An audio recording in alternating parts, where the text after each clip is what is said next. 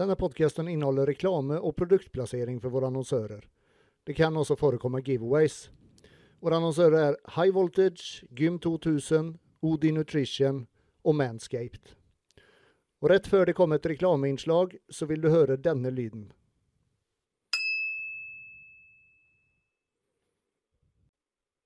Hei, folkens, og velkommen til en ny episode av iform.no Bodybuilding og Fitness podcast. Vi har Gymbros episode 23 i dag. Eh, starta å rette en stor takk til mine annonsører. High Voltage, Gym 2000, Odin Nutrition og Manscaped.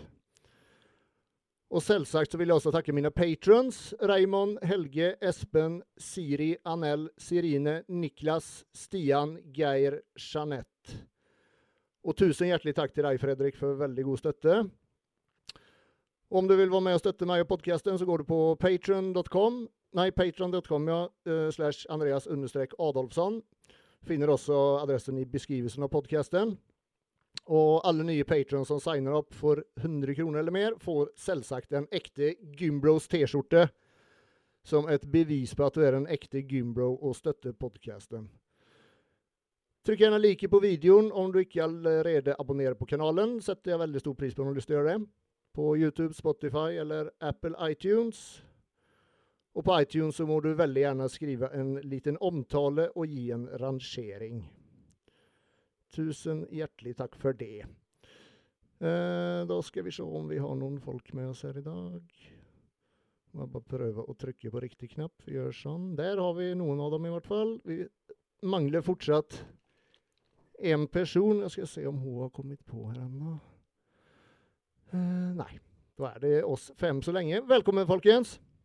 Takk skal du ha. Takk. Vi har, uh, vi har jo Noen bros er jo på, uh, nede i Spania på VM. Vi, men vi har fått i dag da steppet inn av Lasse Telnes. Velkommen. Vi har Jannike Kirkelund. Hei. Eh, ikke for å være, være sånn ufin, men eh, Jannike, du er litt rundere i trynet i dag enn du var sist gang du var med. Kan det stemme? ja, du skulle bare visst hva vekta sa i går, du. Så ja. Det ser ut som du har spist godt, i hvert fall. ja, jeg har jo alltid bolleskinn, da, så det er greit også. ja, det er bra, det. Hvor mye har du gått opp siden konkurranse? Eh, vekta i går kveld viste 78. Og på, du veide inn på 60. Ja. Mm. Gode, gode 18 kilo, det er det. Ja. Det er mange boller, det, alt du må si. Gains all the way. ja, ja, ikke sant? Det skal jeg til. Det skal jeg til. Ellers, treningen og det går bra, Jannike? Ja. Eh, kom rett fra trening nå, egentlig, så jeg vet ikke. Det knakk litt i ribbeinet, men uh, Ja, vi får se. Jeg vet ikke helt. Da har du kjørt hardt nok, i hvert fall. Ja Godt med buktrykk. Kjøre, kjøre omvendt hack, holdt jeg å si, for å ta på hamstringen. Og så, ja Spraka det godt i ribbeina, så vi får se hvordan det føles i morgen. Hvordan er motivasjonen din nå, eh, nå etter konkurransen? og sånn? Er du, er du, skikkelig motivert til å kjøre på videre og forbedre deg til neste gang, eller? Ja. er jeg. ja, det er bare å kjøre på og bli bedre, mm. egentlig. Så akkurat nå så er jeg to økter om dagen hver dag. Ja. Står opp klokka fem, har morgenkardio, jobb, og så rett på styrketrening etterpå. Mm. Altså, du, kjører, du kjører cardio hver dag, eller? Eh, ja, nå gjør jeg det, fordi jeg bytta jobb. Før hadde jeg litt mer aktiv jobb og gikk mye mer. Eh, så nå er jeg mer kontorrotte, så da tenkte jeg at jeg må prøve å ha lik aktivitet i hvert fall. Så da har jeg morgenkardio hver dag nå. Mm. Det, det er sånn at du kan ete mer da, vet du. ja, det, jeg er ganske glad i mat, da. Altså. Ja, for, uh, forrige ja. off-season lå du vel på nærmere 4000 kalorier? Du lå over òg, til og med? Ja. Lig, jeg kan jo spise, i hvert fall. Ligger du så høyt nå også? Begynner vel å nærme meg. Mm. Det er bra. Lasse, du er eh, back in business, kan man vel si. Du, har, eh, du var jævla uheldig her eh, noen uker før konkurranse. Du skulle egentlig vært med i høst, du. Ja, det var vel hva var det, ni uker før. Mm. Da røyk jo fingeren under sagen. Så Fortell, for, fortell oss om du klarte det, for de som ikke har hørt det. Nei, ehm, jeg er tømrer på fulltid, Uh, så uh, Altså, jeg har tenkt over den situasjonen så jævlig mange ganger, og det er ingenting jeg på en måte hastet meg med eller stresset med, eller hva sånn. Jeg ville ikke gjort noe annerledes, jeg var bare jævlig uheldig. Um, og det er vel kapp jeg gjør tusen ganger dagen nesten. Altså, det føles sånn, for jeg, skal vi se. Vanligvis så tar du en pinn, altså en plank, og så kapper du den bare mens du holder den i hånden. Eh, denne gangen så sto hånden min sånn, og så sto jeg litt nærme. Så bare kjørte jeg over pinnen og fingeren samtidig. Så stoppet jo da bladet i beinet på fingeren. Så det knakk jo beinet på fingeren og skjærte over scenen og ytterste leddet på fingeren. Så da Hold, hold opp fingeren mot uh, kameraet. Skal vi se. Jeg vet ikke om han Altså, skal vi ja. Skal vi se. Klarer du å få bøyd den?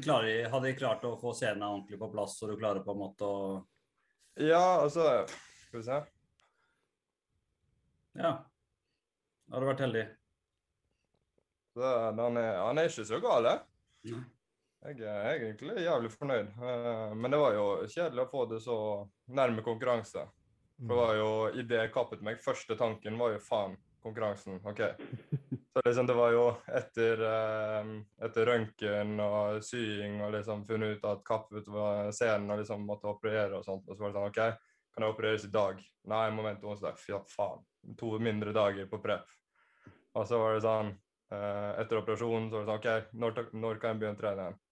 Ja, du må nok litt tålmodighet. OK, men konkurranse om åtte uker, går det? Hva, hva skjer nå? Nei, da var det tolv uker uten å kunne bruke fingeren. Og så kan jeg begynne å bruke den. Så det, det er jo nå 15 uker siden. Så tre uker nå tilbake. Du gipsa vel en del hånda, gjorde du ikke det? Eh, Nei, faktisk ikke. Eh, Jeg hadde en sånn eh, Jeg var innlagt på Haukeland, altså sykehuset, i en uke etter operasjonen. På grunn av det ble jo Mye av grunnen til at de har blitt så jævla mongo nå, er jo fordi at de måtte skjære bort deler av fingeren som ble infeksjon i. Så hadde du to infeksjoner i. Mm. Ja. Eh, og etter operasjonen eh, ble gjort, så stivde de av fingeren. Eh, men når de stivde den av, så var det, det Det var så mye press på den at de måtte åpne opp eh, da den gipsen, i tillegg til at de må åpne ytterste delen med stingene. For det var så mye trykk i den. Så når de åpnet stingene, så da, kom trykket litt igjen, og da, det hjalp en del. Så det var bare en halv dag med gips der. Ellers så var det bandasjer. Ja, fy faen. Ja, du, var, du var både uheldig og heldig der, kan man si. Det kunne jo Ja. vært eh, Du kunne jo tatt flere fingre. Ja, men det, det som var, og det irriterte meg, for etter operasjonen så kommer han eh, legen og så sier han, ja, eh, det kan hende vi må amputere han, vi må bare se i løpet av noen uker. Og så sier han, men hvis vi må amputere, så er det bare to uker, og så er du all good igjen. Så var jeg sånn, så hvis du hadde amputert ham med en gang, så kunne jeg konkurrert da. Da, da hadde du faen meg vært iskald om du hadde gjort det. Ja, men det, det var sånn, Det er jeg, dedication. Ja, det, ja, det er faen meg dedication. jeg, jeg fikk liksom aldri valget, og da var det på en måte, så lenge jeg ikke fikk valget, så tenkte jeg, faen, da skal jeg i hvert fall beholde driten. Men hadde jeg fått valget, så tror jeg, jeg lurer på om han hadde røket, altså. Lurer på det. Du var jo i bra form. Du var jo jævlig god rute, og eh, du var jo klar, ikke sant? Jeg har aldri vært i bedre form så tidlig. Så er det liksom sånn spørsmålet, var det for bra så tidlig? Men jeg følte selv at det egentlig gikk veldig greit. Mm. Ikke sant. Så hadde jo en del igjen på, spesielt på beina, som kunne av.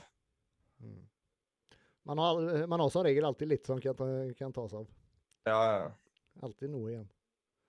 Så, men utenom det så er det jo tre uker tilbake igjen. Så er det jo um, Nå har vi flyttet denne uken, så jeg har ikke fått trent så mye denne uken, men uh, det føles bra. Mm. Og du satser på til våren nå, ikke sant? Ja, ja. Nå ble jo eh, hele fjoråret mitt ble ødelagt. Først ble jeg avlyst pga. korona, og så kapte jeg fingeren. Så nå er det på tide å komme seg på scenen. igjen. Mm. Yes. Og der kom Sunniva på plass også. Velkommen. Midt i maten. Ja, nei, vet du hva, du kan t bare ta og spis du, så kan, vi, så kan jeg prate litt med Hassan og Mathias eh, først, så får du spist. Hassan, hva skjer? Ja. Åssen har uka vært? Nei, den har egentlig vært veldig grei. Samme gamle. Driver og steller han far hver dag og lager middag og styrer med han. Og så er det jo er det jo ned til sjappa og ja, jobbe litt der på kontoret. og Så har det vært et eh, styr med å få tak i nye ansatte nå. Jeg to ansatte som skal flytte til Oslo. Jeg har fått så seg at de skal flytte til Oslo, så da, da har det blitt litt sånn Jeg har jo tre måneders oppsigelser, så jeg har jo god tid på meg, men eh, fått tak i to nye ansatte på ei uke nå. Så da er, det, er de fullt i gang med opplæring. Er det vanskelig å få tak på bra folk? Eh, ja, men det, det er generelt vanskelig å få tak i folk som gidder å jobbe, altså. Ser jo det, jeg har lagt ut eh, annonser liksom eh, på Finn og diverse. Det er ganske lite. Og jeg snakker med flere som har bedrifter rundt på vi i området. Folk vil heller få sitte på ræva og få penger av Nav enn å jobbe. De, Eh, de som er arbeidsledige, de gidder rett og slett ikke å jobbe. Ja. Ja. er ikke sant. Så det, det jeg tror systemet at det er for enkelt at folk bare Det blir kanskje ikke pusha hardt nok, da. Mm. Men uh, det finnes alltid noen der ute som, eh, som ønsker, en, ønsker en jobb, da. Så det er jo bare å gi folk en sjanse, så Mm. får vi nå se. Mm. Så, men treninga har gått, eh, gått overraskende bra. Jeg har like vondt som jeg pleier å ha, holdt jeg på å si, men ikke noe mer. Så da trener jeg, trener jeg rundt uh, Begynt med li- bitte litt skuldre, egentlig. Og det har eh, fungert uh, veldig greit. Begynner å øke belastninga uke for uke nå, så ser vi hvordan det går. Mm. Så venter jeg bare svar fra fastlege om eh, eventuelt eh, om det blir en kirurgisk nevrolog, eller hva de gjør det. Mm. Jeg vurderer, å- vurderer å ta den operasjonen privat hvis det går veldig fort. Ja, for det er vel jævlig lang ventetid om du skal ta det Om du skal ta det Hva heter det? Åtte til tolv måneder, tror jeg. Ah, fy faen. Men hvis du skal ta det offentlig Nei, Da kan jeg sikkert gjøre det neste uke, hvis jeg har hatt tid neste uke. Nei, men altså, Hvis du gjør det offentlig, så er det åtte til tolv måneder, og privat ja, så er det ja, privat så er det kanskje neste uke, og så kommer det an på når eventuelt Aleris eller hvem det er i Norge som tar det. Da, da må jeg finne ut av det når den tid kommer. Mm. Men jeg vurderer det veldig sterkt, for at det er, det er ganske hemmende sånn uh, Det plager meg også når eh, jeg skyter veldig mye, og det plager meg veldig mye når det, med tanke på grep og sånne ting. Jeg skjelver jo eh, Ja, skjelver jo veldig i armene og skjelver når jeg holder glass. og så det, det er ganske tungvint. Har du sånn helseforsikring, da? Nei, altså vi får se. Jeg har en advokat på saken når det gjelder for det hun sin advokat som kjørte på meg sin eh, på en måte, så sitt forsikringsselskap som skal dekke alle utgiftene med tanke på fysioterapeut og alle sånne ting, har de dekka. Okay. Men, eh, men jeg vurderer å, å se om vi får eh, tatt det, hvis vi får tatt det privat, så skal jeg se om jeg får satt inn et krav der. Ja, det spørs om det, om det går igjennom, holdt jeg på å si. Det tviler jeg på, men vi får se. Ja. Men se bare, Vi har jo sånn helseforsikring med jobb. Hvis noe sånt har skjedd meg, så har jeg fått MR dagen etterpå og operasjon uka senere. Liksom. Ja, men jeg tror ikke du får operasjon og sånne ting. Altså, når det gjelder MR, så kan jo hvem som helst bli Jo, henvist. vi, har, eh, vi hadde ei som skada handa på jobb. Ja. Knakk, knakk eh, rett av nesten hele beinet på jobb. og Hun ble operert eh, åtte-ni dager senere og var på jobb en måned senere. Så De vil ha det så fort tilbake i jobb at de gjør alt de klarer for å få det fort i jobb igjen. Men var det privat operasjon da, eller var det Ja, det var privat, ja. Det var privat? Offentlig. Det var jo i den forsikringa. Den forsikringa dekker jo det private. da. ja, jeg vet det er en del store bedrifter som har det. Mm. Jeg har ikke sett på den muligheten ennå, men det er jo faktisk noe Man jeg kan får kjøpt sånn forsikring som privatperson også. ja. Du kan Vi ikke se nært opp mot operasjon. Man må kanskje vente så så lenge. Jeg vet hvordan det fungerer. Nei, men Det er veldig strenge regler. Ja, Det, det kan ikke jeg få gjennom nå. hvis det hadde, eh, Men det er Jeg tror du må få en sånn forsikring før du får skaden, på en måte. Ja, ja, ja. Ja. Du må ha tre måneder før. Det er alltid tre måneder. ja, ja. Ja, og så er det en annen ting at skal du ha helseforsikring som en bedriftseier, så må alle dine ansatte også ha den samme forsikringa. Eller Ja, på en måte de samme godene, da. Så du kan på en måte ikke Så lenge du er ansatt i et AS, så skal alle de ansatte ha like rettigheter når det gjelder sånne forsikringer. Okay. Så det kan koste litt. Ja, jeg ser her blir bare trukket et par hundre kroner måneden, tror jeg. før det. Men Det er koster faen en det sånn er faen meg verdt det. 50 Men, 000 eh, men den som er arbeidsgiver, kan jo koste enda mer, da. Så det blir jo noe helt annet, selvfølgelig. Mm. Mm. Og du Mathias? Jeg har vel egentlig hatt den beste treningsuka jeg har hatt på lenge. I bunn og grunn. Få trent bein eh, første gang uten vondt i knærne på et halvt år. Typ. Ja, du, du, du har vært veldig, veldig hemmelighetsfull med det. Det er jo ingenting du hadde akkurat delt. At du har hatt vondt. Ja. Nei, jeg har egentlig ikke sett så mye behov for det. Jeg orker liksom ikke eh, noen unnskyldninger på en måte utad for å på en måte ikke prestere, da. Hva er det som har vært vondt, eller vet du hva det er som har vært galt? Det var egentlig ikke så ille som jeg trodde. Det var noe med patellene i venstrekneet. Det var ikke fare for noe, eh, at det skulle ryke. noe sånt. Det var jævlig stramt, og forskjell år var veldig stramt. og sånn at Det dro knesenene i alle retninger. og sånt da. Mm. Så jeg har jo gått og frykta hele tida at nei, nå må jeg operere og utsette all prep og alt skit. Og så har jeg liksom bare ga faen i det. Bare kjørte på bare kjørte på med Ibux. Og jeg lå sikkert på over et gram Ibux for beinøtten liksom. Eh, I en ganske lang periode. Så det var ikke noe lurt. Nei, det er vel ikke ikke noe jeg vil anbefale videre, nei. Nei. Men nå, nå er det helt bra, liksom? Nei, Det er ikke helt bra, men jeg klarte å kjøre beinøkt i går eh, helt smertefritt. Men jeg kjører ikke noe knebøy og sånt. Nei. Men får du Da vondt, kjører jeg får veldig du mye oppvarming og Nei, egentlig. Jeg kjenner ingenting i dag, egentlig. Nei. Men jeg må kjøre mye sånn rehab-skitt og sykling og kjøre veldig mye øvelser før tyngre øvelser. Jeg kjører mye sånn eh, abduktor og hamstring og sånn tøying og sånne kjedelige ting da, før jeg kan Mm. kjøre noe tungt, på en måte. Mm. Så beinpress er sikkert fjerde øvelsen akkurat nå, da, for eksempel. Ja, ok. Det er mye som sakte negativa og litt sånne ting. da. Mm. Litt, litt mer volum er vant til, og litt mindre intensitet på beinøkten spesielt. da. Så har det gått greit. I hvert fall i uka her. da. Det er første uka som har gått bra nå da, på ganske lenge. Har du merket noen forskjell på størrelsen på beina? At den har gått ned noen ting, eller? Jeg kanskje mista litt fyldighet, bare, men det er jo mest der uh, vann og trykk og sånt. Jeg tror ikke jeg mista så mye muskulatur. Uh, turen, jeg. Vet ikke. Mm. Men heldigvis er jo beina ganske sterke muskelgrupper fra meg sånn visuelt fra før av, så Ja, det går nok greit. Så jeg kjører nå på videre, så får vi bare se hva som skjer. Mm. Mm. Kult. Jeg, eh, ja, jeg, jeg er tilbake i, i skade... Skade... Hva skal jeg si? Skadegutta. Jeg har, eh, jeg har gått med senebetennelse, senehinnebetennelse i underarmen og, og en del av biceps altfor lenge. Så forrige uke da jeg var i Trondheim, faktisk, eh, så flytta vi en, et eh, beinsparkapparat. Og når jeg skulle dra, dra dette da bortover, så kjente jeg det hogg til noe så jævlig i armen. Og fortsatte å jobbe et par dager, og så nå på mandagen som var, så var det fortsatt ikke noe bedre. Det var jævlig vondt, rett og slett. Så dro jeg til fysioterapeut, fikk eh, tatt ultralyd, som da viste at jeg hadde tre partielle rupturer av eh, noen forskjellige sener i underarmen og biceps.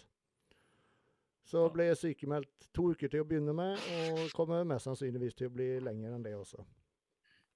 Så nå blir det mye podkast fremover, Ja. rett og slett.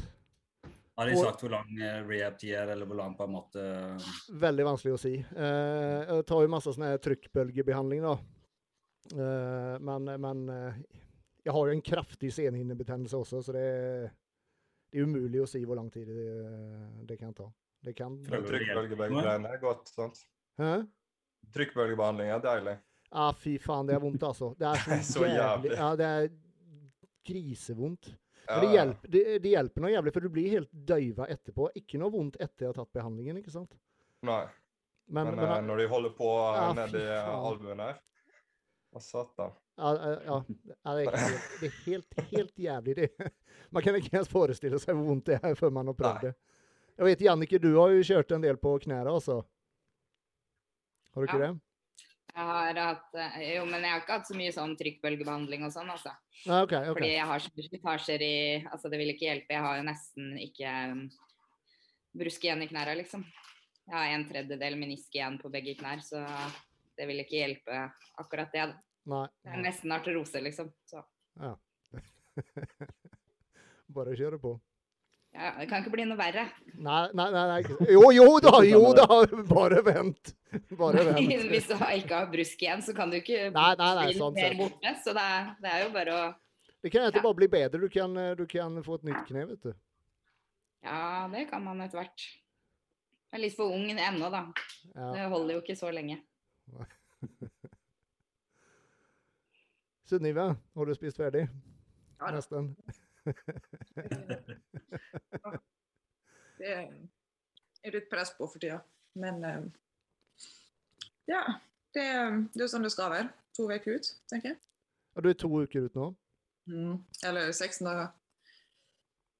Hvor, eh, hvor er den konkurransen da? Eh, Ja, det, det er i Danmark, er det ikke det? I København. Ja. I København sentrum, faktisk. Oh, ja. Så det er litt eh, modig å holde det midt i. Altså dritdyrt med alt. Mm. Er det NPC du stiller i, eller? Hva sa du? Er det NPC du stiller i? Ja. Det er um, Two Bros som Ja, arrangerer i Norge. Kult. Det er gøy. Ja, for du, Jeg var, var i Oslo også. Men um, jeg vet ikke, sånn, delvis pga. at det var NM samme helga, og delvis pga. ganske strenge innreiseregler og sånn, så var det ikke så mange som, eh, som var til show. da, Så jeg tror vi var, vi var to og tre og seks i klassene jeg stilte i. Så er sånn, ja, OK.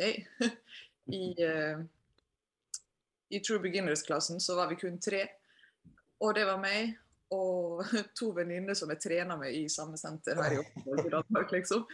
Sånn, ja, OK, vi kunne liksom godt betalt uh, Mr. Masali og resten av dommerne for å komme ned i vårt senter og dømme. Men um, til showet i København så de lukka alle klassene på påmelding nå, da. Så det blir, uh, det blir stort. Hvor mange er påmeldt er det nå, da? Vet du det? Nei. Jeg vet bare at det er full kapasitet, men de kjører kun én dag.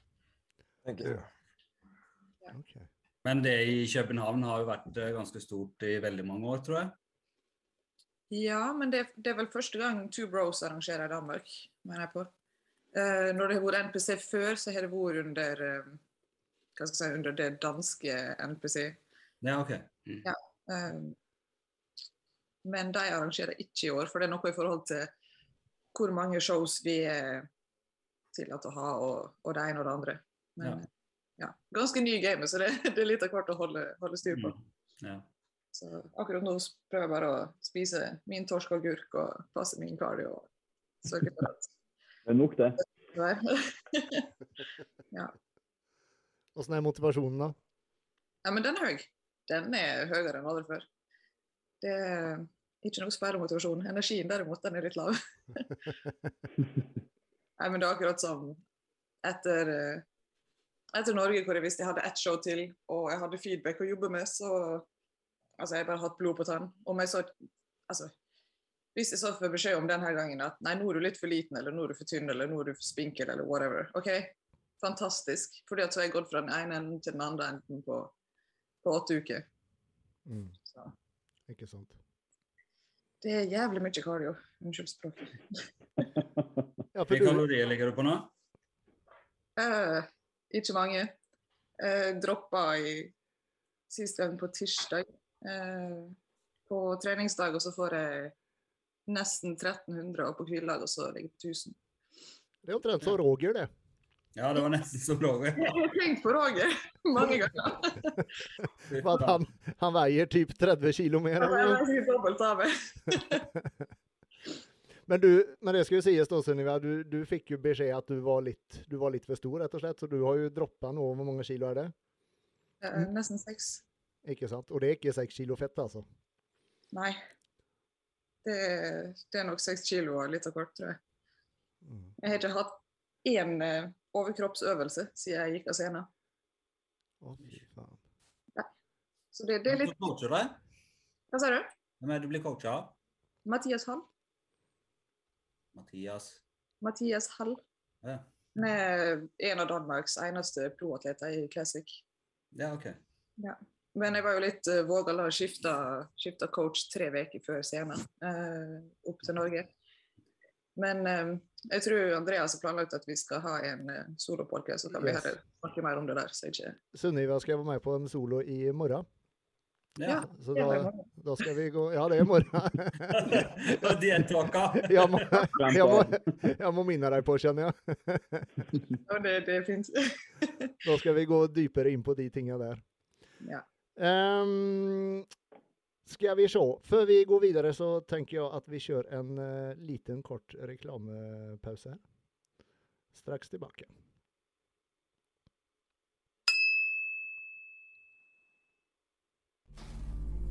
På highvoltagesports.com finner du noen av de absolutt beste og kuleste treningsskoene på markedet. Med fokus på stabilitet, grep, fleksibilitet og komfort tilbyr High Voltage treningssko som er skapt for gode økter med ordentlige løft. Så ta turen innom highvoltagesports.com og bruk kode GYMBROS10 for 10% avslag på prisen. Altså kode GYMBROS10 gir deg 10% avslag på prisen hos highvoltagesports.com.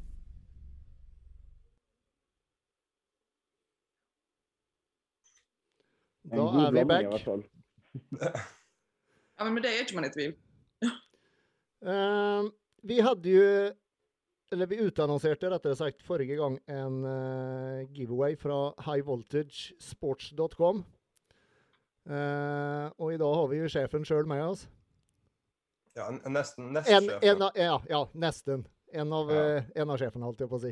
Ja. Eh, I hvert fall, Vi må jo trekke en vinner, så jeg tenkte jeg skal ta og eh, eh, Jeg skal ta og dele skjermen min her, så skal vi ta og se litt på de eh, forslagene som har kommet inn. Lasse, du kan fortelle litt hva, hva konkurransen gikk ut på. Ja, det gikk jo ut på um, Vi har jo um, navnet på de gule og svarte skoene. Uh, og det var det jo um, uh, Jannicke, damen til James Hollingshead, som fant på. Uh, så da var det Pika Shoes. Og det var egentlig eh, jævla gøy navn. Um, og så har vi liksom hatt lyst til å lage navn på de andre òg, men i samme kategori, da. Um, så det har vært litt sånn i stuss på hva det skulle bli. Uh, og så tenkte vi liksom å kjøre i gang en konkurranse på å få navn på de røde skoene. Så det er vel egentlig i bunn og grunn det. Lisa har lyst på de skoene, ser jeg. Du, også, du også, Hassan. Ja. Du har kommet med noen forslag, du også. ja, det. Eh, I hvert fall da, eh, beste forslag da skal jeg eh, få da vinner da et par valgfrie sko. Og vi har fått inn en god del forslag her, ikke bare fra Flisa, håper jeg. Rødværkjøp, Santas Little Helper, Gym Lobotin, Red Velvet, Dali Red 1001. Men hvorfor jeg har kjøpt den svarte, ja, det har jeg svart på. Uh, Elektra eller Tiamini, lyn på hindu. Uh, Red Thunderstrike. Red Zapdos. Sparky eller Saus. Red Devil. Red Devil, ja. Red Fury. Eh, altså, jeg gikk jo gjennom disse i går. Eh, mm. Så er det sånn, vil du gå gjennom alle nå, eller skal jeg liksom si de som på en måte har skilt seg litt ut? Ja, vi kan ta, ta det, de som er favorittene dine, da. Ja. ehm, så vi har Grease Lightning var egentlig jævla gøy. Eh, den var rett ned der. Midt Det er på Grease. Lightning, det, ja. Den var egentlig veldig tidlig. Um, eller så har du um, Litt lenger ned så var det noe Phoenix. Uh, jeg tror jeg nesten er helt til starten. Phoenix Shoe, Fire Ja, der, ja. Phoenix, Red Thunderbolts.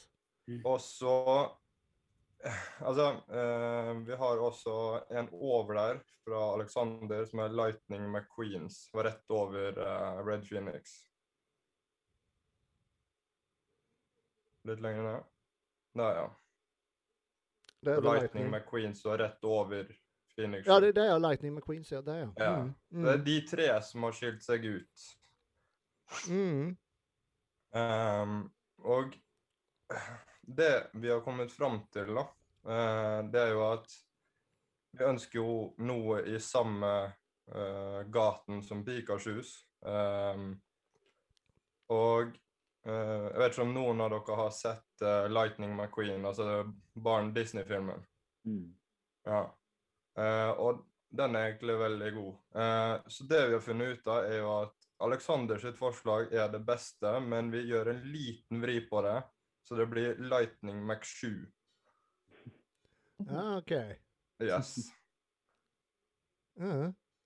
Så ja, Alexander uh, Liane, han vinner den. Uh, og så blir det Lightning Mac7 istedenfor Lightning McQueens. ja. Kult. Så rett, rett og slett bare fordi at jeg vil ha det litt samme gate som Pikachu.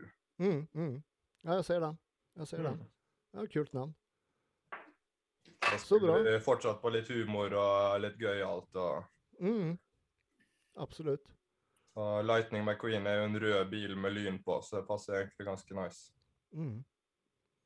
Kult. Mm. Da kan vi si gratulerer til eh, Alexander. Du eh, blir kontaktet av eh, meg eller av deg, Lasse. Jeg kan ta deg. Det er Ja. ikke noe problem. Ja. Kult. Ja. Da var det i boks. Der skal jeg bare stoppe delingen her også. Hva faen skjedde nå, da?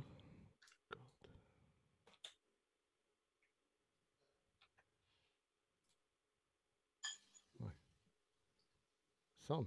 Da. Da er vi tilbake. Um, da skal vi se. Jo, eh, jeg fikk eh, forresten en eh, melding fra Heidi i stad. De er jo nede på eh, VM, ikke sant? Og ga meg en liten sånn update på, på de norske som har vært på scenen, da. Eh, skal vi se om jeg finner hva hun skrev. Der.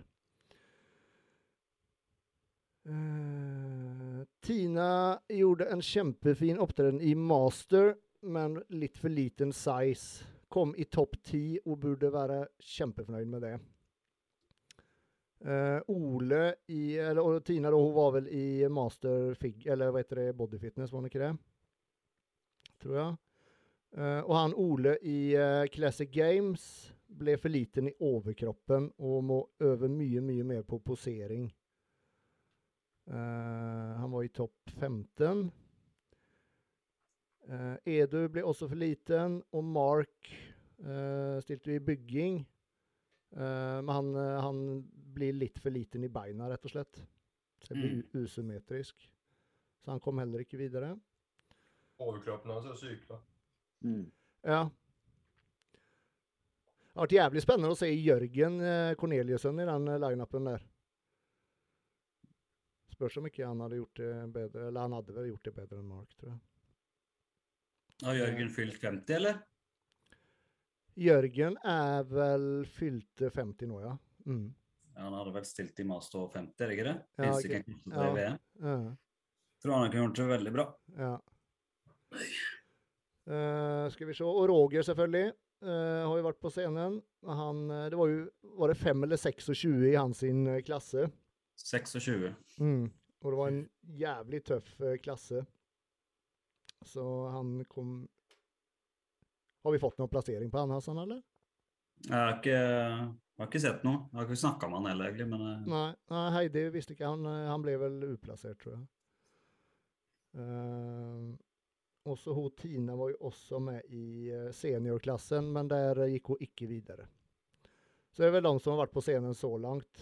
Uh, I dag så er det vel han Jørn skal vel på scenen i dag, tror jeg. Har ikke han også vært oppe i, i Mens Fysikk? Hmm? Eller Jørn? Jørn, ja. Mens fysikk. altså, de skal vel på i dag, de, eller har vært på? Ja, Eller? ja de, de er vel på nå, tenker jeg. Eller eh, har akkurat, eh, akkurat vært på. Ah, OK. Ja. Men det er også en litt høy- høydeklasse, sånn, ikke det? Mm. Ja. Åssen er det fra, fra, fra Danmark? Er det mange er stort landslag, eller vet du det, Sunniva? Tror ikke vi har noen der. Ingen? Nei, det tror jeg ikke. Fordi um, danske IFBB, de er oppløst Å? i år. Fordi um, det var ingen show i fjor pga. korona, det var ingen show i år pga. korona. Og så tror jeg det har vært litt sånn at det har vært uh, samme samme kjernegjengen som har stått for det. Og så er kassa tom for penger, og så er ikke det riktig noen til å Ja, som, som er klar på å ta over. Jeg vet jeg hadde sånn et slags hasteårsmøte her for et par uker siden, Mm. hvor det var ganske lite oppmøte, og jeg tror egentlig de bare erklærte at det, det blir ikke mer hvis ikke noen nye kommer inn og, og lager til. Å, faen. Så ingen dansk mesterskap. Eller Yes. VM, eller Herregud. NPC-stevnet i Danmark har jo vært veldig stort i veldig mange år. og Det har ikke vært så veldig mye så veldig mye fokus på EBB, egentlig. Eller, så de har ikke hatt så mange atleter der heller. Eh, Liksom, De har ligget så tett på hverandre at så er de fleste førstegangsatleter de har kjørt begge showene back to back. ja. Og så er det jo en smakssak, men de fleste valgte å bli NPC-er, tenker jeg. Det virka som det ble sånn etter Loaded ble eh, oppløst, så virka det som alt bare falt bort, egentlig. ja. Mm. Det var faktisk et jævla kul stemme. Mm. Ja, det var veldig bra. Jeg var der og stilte ett år og så var jeg der og eh, for då för Reform to, tre, fyra, fyra, ja, fire år tror jeg. Jævla jävla bra stemme. Så han, eh, han var jævlig flink han Stellan, Stellan Bossen. Mm. Håller han på fortsatt eller? Är det noen som vet det? Nei, Jeg tror han ble dritlei. Eh, Han har jo bare den butikken, tror jeg. Nettbutikken eller noe sånt. Ja, er, Ja. men det var også noe med at uh, altså det, det som var loaded gym, uh, er i hvert fall fint sagt for et eierskifte. Um, og så mener jeg på det er det som er blitt til Copenhagen Gym. oh, ja, okej. Men det, det er også altså, det er veldig nice senter. Hvor det over og gjestetrener et par ganger. Det, Mm. Det er bra saker. Men i forhold til VM, eh, skulle ikke Marius dit? Eh, Marius Flisa? Nei, Pikachu? Han Eh, trakk jo, seg ganske eh, tidlig, tror jeg. Hva sa du nå? Han trakk seg ganske tidlig, tror jeg. Det er noen uker siden han trakk seg. Ja, Ja, okay. ja. Det er veldig synd, for jeg tror faktisk han kunne, hvis han hadde forandra gren fra åpen open til classic eh, fysikk, stille classic fysikk i VM. eh, så tror jeg han har gjort det veldig bra der. Mm. Det var det han skulle. Mm. Jævlig fin fysikk på han. Ja, det er det. Skal han på NP Skal han på NPC nå i Danmark, eller? Det har jeg ikke fått med meg. Jeg snakker ikke noe med han. Jeg kjenner egentlig ikke fyren. Jeg har bare fulgt, fulgt med på han. Jeg har faktisk helt glemt å spørre han. Jeg skulle gjort Ja, jeg også. Jeg snakka med han ganske nylig, egentlig, men det ble liksom ikke snakk om det. Han er i jævlig god form fortsatt, så noe må det jo være. Ja, ja, ja. Målet hans eh, har jo alltid vært, eh, vært et proffkort, ikke sant? Og, og det er jo MPC som han har lyst på, så, så jeg regner med at det Jeg er, skjønner jo det, da, på en måte. Ja. I hans tilfelle. I hvert fall hvis han har muligheten til å få et proffkort, så why not? liksom. Han har en lys fremtid og en mulighet til å Mm. gjøre det bra, så da skjønner jeg at han går den veien. Ja, ja. Så det, og så er han utrolig flink til å posere og har brukt mye tid på poseringsprogrammene sine. Mm. På Mm. poseringene. Mm. Så det bare lyser fram på scenen hvem som faktisk har brukt tid på de her poseringsrutinene sine. Mm. Det var beste poseringsprogrammet i NM og Sandefjord.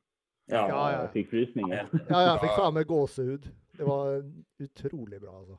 Ja, Jeg satt i Irak og fulgte med, og det var, man får gåsehud. av- Ja. Du får det. Det, er, eh, det kalles et poseringsprogram, altså. Mm. I forhold til eh, Classic, i hvert fall. eh, til det NPC-stevnet i Danmark. Så tror jeg det var ganske mange som fikk litt uh, sjokk, fordi plutselig sju-ti dager før, uh, før påmeldingsfristen den går ut, så lukka de for uh, Classic Open Bodybuilding. Påmelding Oh. videre. Eh, Ja, det var helt sjokkfullt, tror jeg. Sjokkfullt Mm. Og det er ganske unormalt i, i disse store klassene. Altså Mm. supersize-klassen. Mm. Det er kult, det. Det er litt gøy, da. Mm. Veldig gøy uh, Ja. for oss som brakk det. Um, og påmeldingsfristen den, jo, den går ut nå her på tirsdag, men for tre-fire dager siden så lukka de for alle klasser. Så var ikke det plass mer. Men bare det at, at. Ja, ikke sant.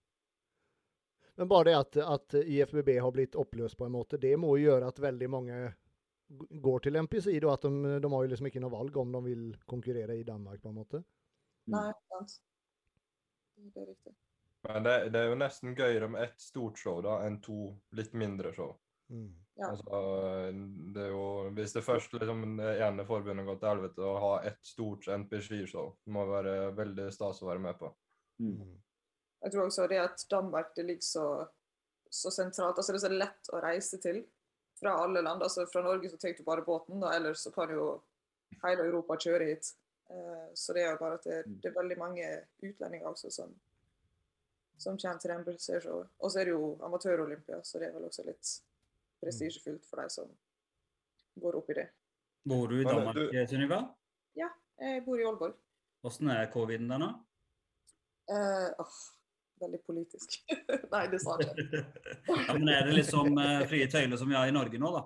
Jeg Norge. Nå begynner jeg faktisk å stramme litt inn igjen. Og han her godeste Brostrøm, eller hva heter han, helseministeren, um, er litt ute i at uh, han syns de skal innføre koronapass igjen.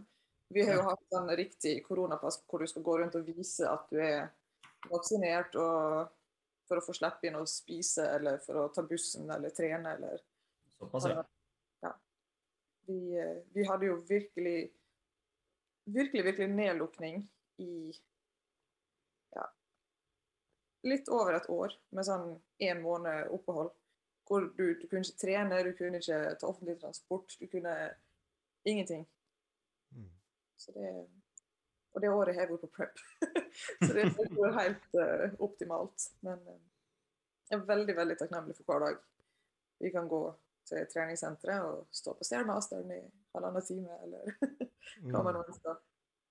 Det, Ja, smitten går jo opp noe jævlig her også, nå i, Trondheim framfor alt, Mathias. Mm. Ja. Så har det vel blitt eh, Er det påbudt med munnbind nå? Nei, det er bare anbefaling. De hadde møte i dag i kommunestyret, men det ble ikke noen nye regler. De bare ga oss kjeft. Ja. men det er liksom, det er mest mellom 10 og 18 år, liksom. Det er jo på skolene smitten går, da. Mm. 90% av smitten, liksom. Så jeg tipper det er derfor de ikke har satt inn noen spesielle regler ennå. Men de har jo fjerna fraværsgreiene, og det kan hjelpe litt. Da, for eh, det er ingen som tør å være hjemme, vet du. Da får de fravær, så består de ikke året, liksom. Mm. Så, ja. hvordan er det med vaksine i Norge? Har dere fått denne her med tredje koronavaksine? Jeg tror over 65. helsepersonell har fått tilbud om det, i hvert fall. Nei, ikke helsepersonell. Jo, helsepersonell som har kontakt med pasienter, skal få tilbud om det. Nei. I Oslo. I Oslo så er det bare helse Nei, bare de eldre. Ikke- Over de over 65 og de veldig syke som har fått tilbud om det. Jeg snakka med, med de på sykehuset eh, eh, når var det? det var ikke så mange dagene sine. siden, og da, da, da var det kun de over 65 eller de som var veldig syke. Ja, Og utsatte grupper. Veldig Ja. utsatte grupper. Mm. Men ikke personer, helsepersonell, i hvert fall. Men er eh, influensavaksine er jo for fullt, da. Ja, det er det her også. Mm. Og så tredje boost til, til de gamle. Jeg jobber jo også i, i heimesykepleien, men, men vi får ikke noe tredje vaksine sånn som det ser ut nå, i hvert fall. Jeg bare så en artikkel om det på VG, men det kan egentlig være bare snakk om det kanskje skulle bli det. vet du. Ja, For jeg også jobber jo i helsevesenet i, i Ja. Og det er Ja. oss. Okay. Ok. OK. Ehm, skal vi se. Vi tar en kjapp reklamepause, og så kjører vi i gang med litt uh, spørsmål sen. Skal vi se.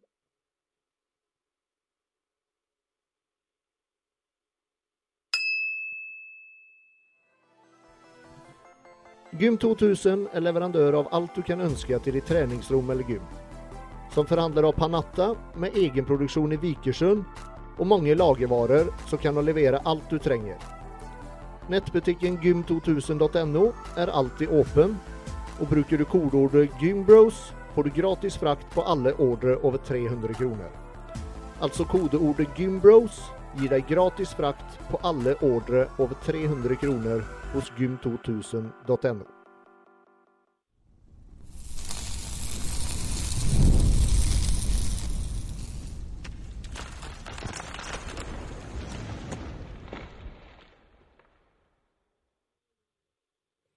Da er vi back.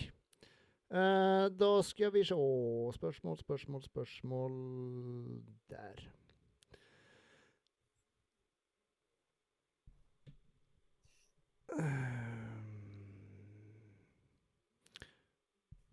progresjon på trening under en ko- konkurransediett. Hvordan kan man vite at man tar nok i? Når du ikke klarer mer. Ja. Det, Det, må du nesten kjenne. Skal i Altså, hvert på med å tenke at eh, å nei, nå er jeg kaloriunderskudd, så nå skal ikke jeg ta i så hardt, eller nå kommer jeg til å bli svakere, så nå, nå kan jeg ikke trene så hardt mer. At man bare nesten gønner mer på når du starter på diett. For Mm. altså, der er ikke noe å tape. Jeg trenger Altså, jeg, nei, jeg mener at altså. man skal kjøre litt Altså, man skal trene så tungt som man kan hele veien, mener jeg. Uh, altså, hvis du nærmere konkurranse begynner å liksom droppe eh, intensiteten, eller hva vi kaller det, så er det sånn Du har jo bygd muskulaturen på en måte, så hvorfor endre den når du skal diette? Mm. Altså, kjøre så tungt som du kan, men med god teknikk for å ikke skade deg, mener jeg. Mm. Nei, er helt enig. Jeg er helt enig. og så tenker jeg så går man ned 10-15-20 kilo, så må man på en måte Altså styrken går jo, går jo ned, med tanke på at vekta eventuelt går ned. Så da, da må man jo tilpasse seg. Men å kjøre seg ut, det kan man jo gjøre uansett. Mm. Men Intensiteten burde alltid være der uansett. Mm. Hæ? Det viktigste er jo at intensiteten er der. Ja. Du kjører det du klarer. Men trenger egentlig styrken å gå ned så mye under en diett? Nei, ikke alltid. Det er ikke alltid det gjør det, men eh, det er, det er forskjell fra person til person. Jeg blir faktisk sterkere på diett, det, så Men eh, det siste uka så står ikke jeg og tar maksløft, altså. Nei. Det, det gjør jeg ikke. Det, det, det jeg har sett, eh, sett eksempler på folk som har prøvd eh, de to siste ukene eh, på en diett, og så peker han om fingeren. Det er ikke alltid det ender så veldig bra. Nei. Nå Man presser jo kroppen så jævlig langt at den er jo ikke helt i stand til å verken restituere optimalt eller Altså, alt blir jo brutt ned. Og jeg vet ikke, men når Nå er jo peak week for mannfolk litt mer eh, utfordrende enn for eh, bikini. Men jeg tror ikke jeg ville stått tre dager ut og vært nesten tømt for væske, og så skulle begynne å skvatte så tungt man kan, hvor ja, ledd og muskler og alt er tørt og slitent i forveien. Mm. Jeg vet i hvert fall de siste, de siste par ukene før vi skal opp nå, så har vi skrur intensiteten litt ned og volumet litt opp uh, for min del. Men det er også fordi at jeg har så sjukt mye cardio ved sida av at hvis vi ikke skrur litt ned for, uh, for intensiteten, så uh, rekker jeg ikke å restituere mellom øktene mine. Det er også litt nå fordi at jeg kun har uh, leg days. um, og så Men trener dere, dere går jo gjennom en del hormonelle sånn Altså kroppen er jo en del ubalanse med tanke på at dere mister det månedlige og sånne ting. og Det kan jo påvirke, påvirke kroppen også, men det kan jo dere jenter eventuelt fortelle litt mer om. Så det er jo ikke bare vi gutter som får gjennomgå på diett. Men det er vel veldig forskjellig det. No, noen jenter eh, mister mensen, og noen gjør det ikke. Er det Ja. ikke sånn? Mm. Så Ja, noen mister det veldig tidlig òg. Mm. Ja. Jeg tror også de som er vanskelig for å få det igjen, det er kanskje de som har vanskelig for å begynne å spise normalt igjen etterpå. At de går og underspiser litt hele tida.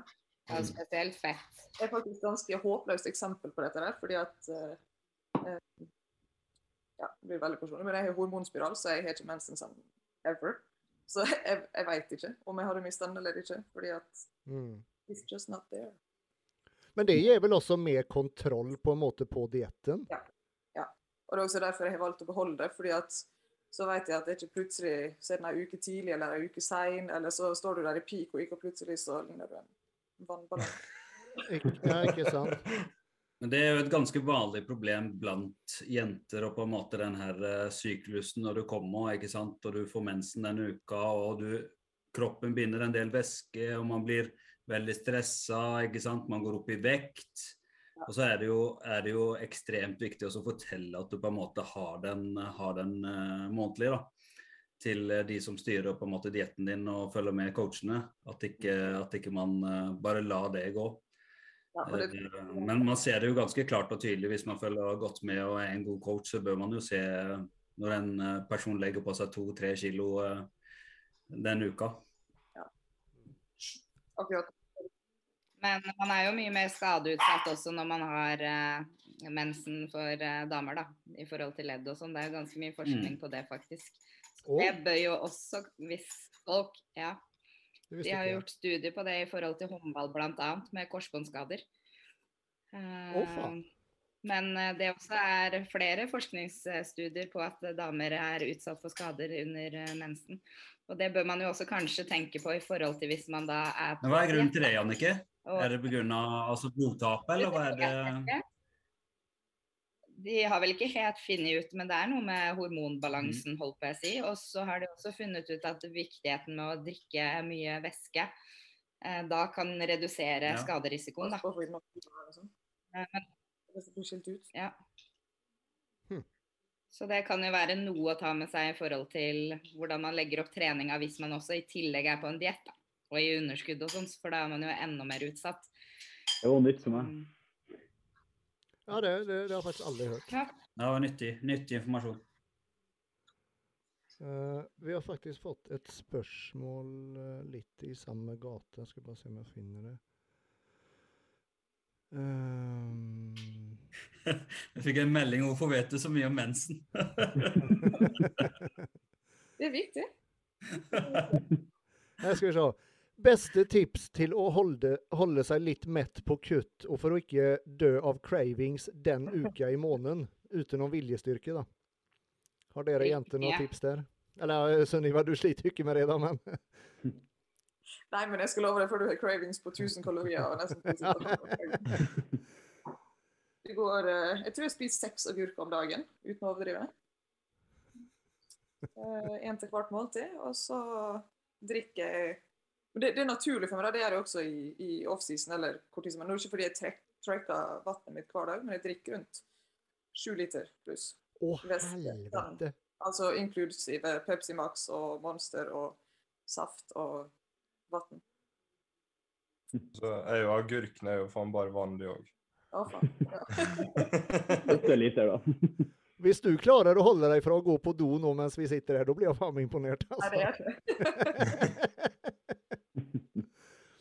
Jannicke, har, har du noen tips der til Det er cravings? litt det samme. Drikke mye og ja, spise kalorifattig mat. Da. Man kan jo få ganske mye volum i mat hvis man er eh, Altså det er jo lite kalorier i salat og agurk og ja, sånn type ting. Det fins jo også sånn derre nudelgreie, nå husker jeg ikke helt hva det Jo, jo, sånn Slenderchef-nudler og Ja, altså man får masse volum av det også, da, uten at det er kalorier. Mm, og så er det jo hvis man har cravings, da gjør noe annet, håper jeg. å si. Ja. Gå en tur. Ja.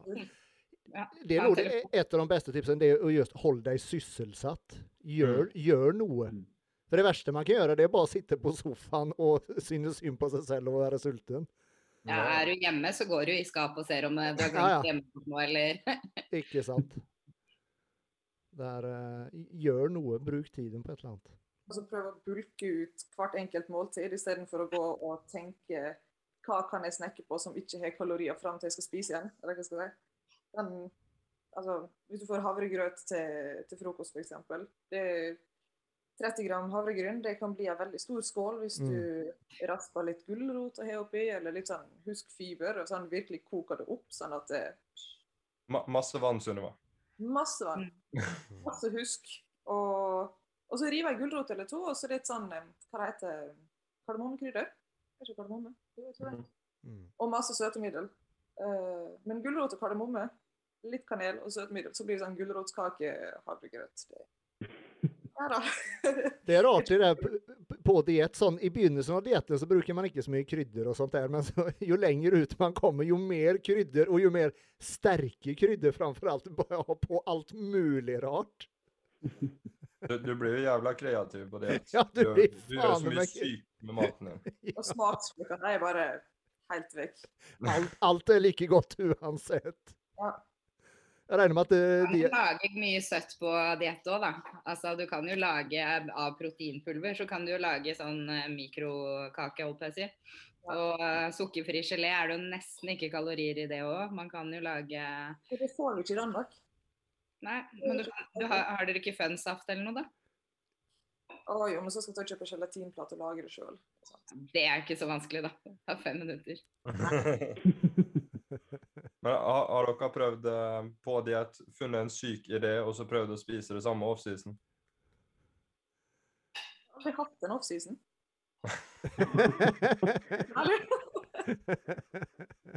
Men um, jeg skal se om jeg er like glad for agurk med hvitløkspepper på om jeg tar år. Har du noen sånne ting du, du har tenkt på på dietlasset og eh, spist off-season, og så var det ikke så jævla godt allikevel? Ja, første sesongen når jeg ikke visste helt hva det gikk i, så gjorde jeg mye sykt med maten min. Og det tenkte jeg, faen dette skal jeg gjøre off-season òg. Og det, det smakte rumpel Det var helt jævlig, faktisk.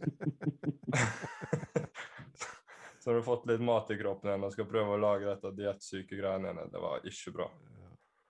Ja, det som smaker godt på diett, det er som regel ikke så jævlig godt på off-season. Det blir ikke helt den samme opplevelsen.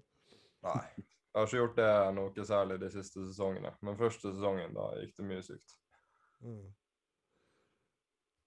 Um,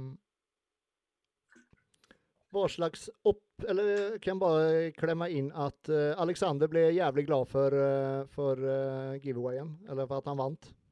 Han, Nice. han gleder seg å eh, trene med skoa. Han, han virker som en jævla fin gutt. Han uh, snakket litt med ham på Insta. Han har Mm. fått veldig godt inntrykk av ham. Mm. Han er jo en uh, fast tilhenger av podkasten, så det må det jo være. Mm. Ehm, Da skal vi se. Hva slags oppfølging får de på landslaget før VM? Er det noe i etterkant? Og da er det litt sånn i, i, fra forbundet, da, på en måte. Altså Forbundet har på en måte ikke noe med de atletene å gjøre, annet enn at de gir informasjon om eh, hvilken hotell de skal på. De atletene, altså I BB-pakka har hotell, mat, diverse. altså De forteller det på gruppa. Men eh, det er jo coachene sitt ansvar å på en måte finne ut av finne ut av hvordan opplegget og hvordan, eh, Beklager, det er eh, forbundet som sier hvordan opplegget skal være og når, eh, hvordan kjøreplanen er der nede. Men eh, til syvende og sist så er det jo på en måte coachene og, som må passe på atletene hva de skal spise og alt som er rundt de. Mm. Så Altså det er ingen direkte coaching, kan vi si, fra, fra, fra forbundet. Så er det ingen coaching i den forstand. det er Men- ingen coaching fra forbundet. Nei. Men det er jo med såkalte coacher ned, på turen, da, som hjelper til. Det er vel mer delegater, sånn kanskje? Ja, ja, ja, nettopp. ja. Det er det som er forskjell. altså Ja. Delegater de passer på når de skal inn på scenen og når de skal ut, og at fargen er greit. og, og på en måte Var, varme opp, opp og sånne ting. Ja. Ja, varmer opp og sånne ting Mm, før du skal på scenen. da. Kanskje litt finpuss på og sånne småting. da, bare. Ja. Ja. Og passe på at folk er backstage og ikke stikker av, og at folk er på innregistrering. og Det er en stor jobb i seg sjøl der nede. Å, Det er ja. barnevakt, rett og slett. Ja. Det er litt som her hjemme, rett og slett. Ja, det var vel ikke som i gamle dager, da man eh, nesten eh, gikk rundt og knaska på riskaker og spurte Kim Torgersen som står bak der når man skulle på, og så gikk man og la seg ned igjen. Nå er det, ligger du der med beina høyt, og så løper de her stakkars delegatene fram og tilbake og er helt gale. det, nei, folk som stiller nå, har det greit. Ja. Mm. Eh, og på tall om eh, VM eh, slash EM, hvordan, hvordan er miljøet backstage kontra f.eks. NM?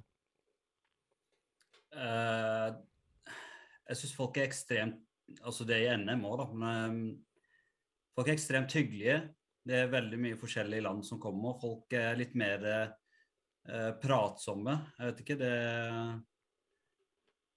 ganske stor backstage òg, så du ligger på en måte på samme etasje og du får uh, mye lettere kontakt med andre personer, føler jeg.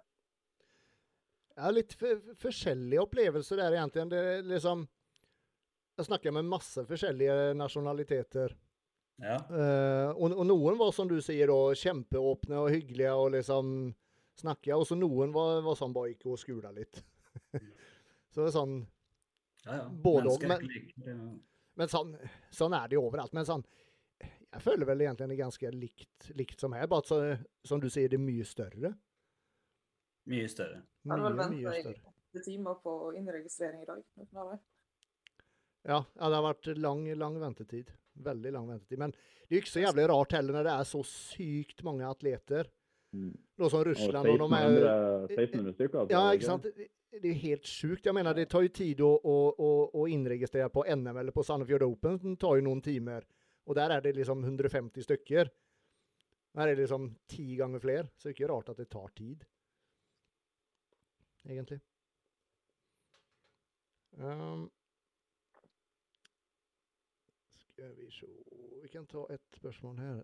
Um, Hvorfor vier alle bodybuildere sin tillit til korte pauser mellom sett når studier viser at det er bedre med lange? Er det egentlig Det visste jeg ikke at det var studier på Er det alle som gjør det? Hva mener han med lange kontra korte? Det står ikke. Men kort, Veldig diffust spørsmål. Det er jo Veldig generaliserende, i hvert fall. Og så er et lang pause det er 60 sekunder eller 90 sekunder. Det er korte pauser 60 sekunder. Det er litt sånn jeg tenker, her, altså, hvor langt er et snøre? Ja. Ja. jeg tenker en lang, lang pause er vel kanskje opp sånn fire-fem minutter, sånn som styrkeløftere kjører. Det, det anser jeg være en lang pause. Faen, da blir jeg jo kald. Ja, ja, ikke sant? Men det er en lang pause. Styrkeløftere kjører jo sånn, ikke sant? Så de kjører de to repper, og så hviler de i Ja, ja. fem, fem minutter. Men en kort pause i min verden i hvert fall i sånn ett minutt er ganske kort pause. Da kjører du ganske intensivt. 45 sekunder, ett minutt. Kommer litt an på hva du trener og hvordan øvelser du tar. Altså, Knebøy krever litt mer pause enn bicepskøl. Liksom. Mm. Jeg tar det meg på feeling. Jeg kommer aldri til å stå med ei stoppeklokke. Liksom, og, Nei. Det spørs kanskje også litt i forhold til intensitet og volum i, i treninga vil jeg tørre påstå. Om, Jeg er veldig glad i å ha intensitet, intensitet på trening. Altså ett minutt, eh, ett og et halvt minutt, det er liksom en fin tid for meg å, å på en måte hente meg sjøl inn før jeg er klar for neste sett. da. Men det er jo forskjellig fra person til person, og eventuelt eh, med tanke på melkesyrenivå i, eh, i muskulatur og blod og diverse. Så Jeg tenker det at, at du skulle være klar til å på en måte yte maks da i neste sett også. For om du bare hviler la oss si 20 sekunder, da, da har du ikke sjans å få maksimalt utbytte av det settet. Det har du ikke. Nei, ikke sant? Så du, du må jo ha en, en, en viss vi, hvilestund før du er liksom back på zero, da. Ja. Uh, men det er vel litt, også litt individuelt. Så jeg mener som, så jenter, for eksempel, dere å, res, eller sånn, återhenter dere mye fortere enn hva vi menn gjør. Så hvis jeg og fruen kjører Om jeg og fruen kjører kne... Unnskyld, Synnøve. Hva sa du? Det kan jo også ha litt med å gjøre hvis det er en knebøyøvelse, f.eks. At eh, en gjennomsnittlig mannlig bodybuilder nok løfter i hvert fall to ganger så mye som, som en gjennomsnittlig kvinnelig Mm, bodybuilder gjør. mm, Så krever det jo også lengre tid for å bli klar til et nytt sett. mm. Nei, men han, han, altså Spørsmålet er jo hvorfor vi gjør det, kontra forskning som tilsier at lange pauser på en måte gir, gir mer hypotrofi. Er det det han er ute er Ja, nei, det står bare Han skriver at uh, studier viser at det er bedre med, leng, lang, med, med lange pauser. Det finnes ikke studier som viser motsatt år, Liksom. Det, er liksom, det vil alltid være et studie for et eller annet. Mm. Du, du finner jo studier på hva enn du vil her i verden. Ja, det er sant. Men eh, det er jo Altså, jeg Men han må jo veldig gjerne sende en studie, da. Det hadde vært eh, gøy også å lese og se eventuelt kildene til det, og hvor mange personer som testpersoner som har vært med på det. Og Altså, hva slags personer. Mm. Ja, Mm, Om det har vært 50 personer som har vært med, så ser ikke jeg på det som en studie. det er veldig sjelden en bodybuilder med i et studie eh, på noe som helst, egentlig. Det er utrente folk, stort sett, føler jeg, eller mosjonister. Ja. Mm. Men det er også det å legge ord i munnen på folk da, og si at hvorfor er det sånn at alle dere gjør sånn og sånn, Mm. istedenfor at en studie viser at altså det er jo Hvordan vet han hvor mange av oss som sitter her og har to minutters pause eller 30 sekunders pause mellom settene? Mm. Det Ja, er det er jo veldig... litt uspesifikt spørsmål. Mm. Mm. Sjelden man sitter med en stoppeklokke og tar tida. Det er liksom sånn når man føler at man har henta seg sjøl inn igjen etter, eh, Ja. etter et sett, så kjører man på igjen, liksom. Om Ja. det tar ett minutt. dessverre tar tre veldig mange minutter. som sitter med den stoppeklokka på gymmet. Ja, det er det. det, er det. Mm. Mm. Det er hardcore, vet du. det, det er sjelden bodybuildere. Ja. Ja. Ja, Det er det sant. folk. Ehm, Jeg ser om Fiso-Jørn er noe topp ti nå, i hvert fall foreløpig. Er han det? Mm. Kult. Det er kjempebra. Står i jævlig bra form. Ja, han er i sinnssykt god form. Knasktørr. Eh, dette er vel litt til Hassan, tror jeg. Mens fysikkposeringer i Norge, så er det forbudt med twisting. Hvorfor? Forbudt med twisting. Du twister jo i mensfysikk. Altså. Nei, jeg tror de mener i frontposeringa. Ja. Ja, ja, ja. ja. Ja. For det var vel Altså, lov det- før, var det ikke det? Mener, han mener på at det kun er i Norge, og det er helt feil. Altså, Jeg hadde et kurs med hoveddommer i BB. Altså, Jeg tipper de mener i forhold til NPC, sikkert. eh, vil jeg tro. Ja, men uh, i, i hvert fall nå snakker jeg på vegne av IBB. IBB og det jeg har lært der. Er ikke dommer i NPC, så det kan ikke jeg uttale meg om. Men det jeg har sett, er forskjellen på IBB og NPC. I NPC så vrir de seg. Vrir de, vrir de midja, eller hofta, på en måte. Sånn at eh, illusjonen gjør at midja blir smalere. da. Mm. Og i EBB så gjør vi ikke det, for at da skal du stå altså med Hoftene skal være rett, ikke sant? Det skal være rett. Ja. Og i, eh, I min verden så mener jeg at det er juks når du tvister, for da, da kan du skjule at du har en veldig brei eh, midje. Eh, og det, det er derfor eh, på en måte de har innført at du skal, du kan stå med begge, begge hoftekammer rett fram mot dommerne da, og ikke tviste. tviste. Og det går jo i alle poseringsklassene, faktisk. I forskjell på eh, i forbundene. Det er jo det samme i bikini, f.eks. Ja. Um, at i, i IFBB så er det mer si, strikte regler i forhold til hva som er tillatt, og ikke for å um, for å fremme det sjøl mest mulig i poseringa. Hvor i NPC så er det veldig, veldig fritt. Uh, og vi har egentlig bare to standardposeringer, front pose og back pose. Ja. Uh, og så bestemmer du sjøl hvordan du går fra det ene til det andre. Du skal bare alltid skjule feilene dine og framheve eh, hva skal jeg si, fordelene eller de sterke sidene du har. Men jeg tenker det- det er jo det litt som, som, som hva skal jeg si, bygging og fitness handler om. da. Det, du skal jo på en måte presentere din fysikk på best mulig måte. Mm. Ja, men så tenker jeg også at det, det er faktisk det er sant, men akkurat det med frontposen, det mener jeg bør være slik det er vi har i BB. Altså det med å på en måte tviste, tviste hofta for å, for å bli smalere. Det, bygg mer skuldre og mer rygg, da. Bygg mer bein, f.eks. jeg vet ikke. Det er vel sikkert mer for å få en rød tråd gjennom det hele. og det er sikkert enklere for dommerne å Ja, bedømme ja. alle står like.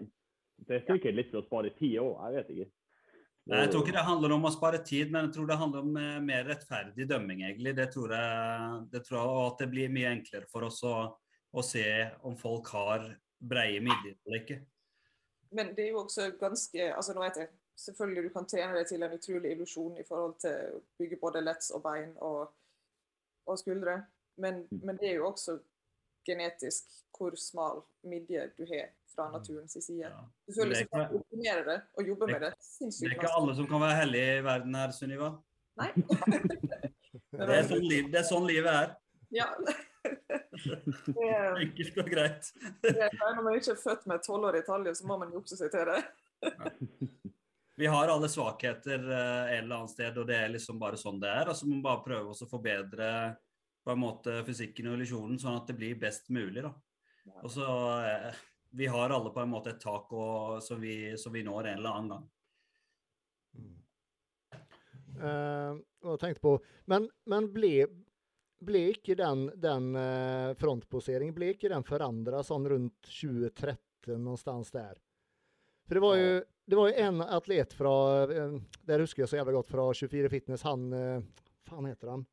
Robert. Ro, ja, Robert. Ja, Det var, i, det var i 2015 eller 2016. Ja, ja, ja, det kanskje var. For han, han, han gjorde det jævlig bra tidligere, da, når han fikk Det var lov å på en måte tviste. Ja. Men så ble det her innført, og da, i og med at han hadde litt bredere midje da han var nødt til å stå sånn, så, så, så røyk Jeg han satt ned. Jeg satt og dømte det, og jeg husker det veldig godt, eh, det bråket som ble etter. Robert er en utrolig Tommy, flott- Tommy likte ikke det. Nei, Robert er en utrolig flott atlet. Tommy, og ja. Kjempeflott fysikk, og jeg har stått på scenen med han også i Athletic Fitness i 2013. Mm. Eh, men det som, er, det som var tingen da, var at eh, han tvista mye, og han fikk beskjed gjentatte ganger om at han ikke skulle gjøre det. Og med en gang han på en måte vridde liksom hofta litt tilbake, eller hoftekammen ble litt mer rette, så, så ble på en måte illusjonen eller fysikken forandra litt, da. Så, men han har forbedra seg ekstremt siden sist jeg så bilder av han. Så jeg tror neste gang han er tilbake på en scene, så tror jeg han kommer til å overraske mange.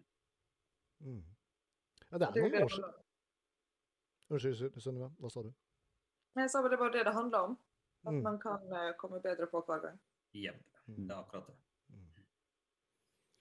Yes. Uh, skal vi se hva er klokka? Da tror jeg det blir dags med en liten uh, reklamebreak igjen. Løp på do, Sunniva, om du vil det.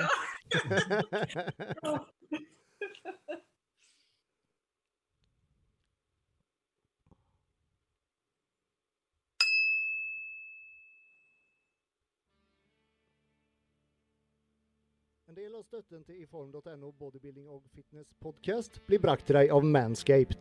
De beste av de beste når det kommer til alt av mannlig egenpleie. Nå i november får du 20% rabatt og fri frakt med koden GYMBROS på manscaped.com. Så gjør som over to millioner menn og bestill ditt eget eksemplar av The Lawnmover 4.0.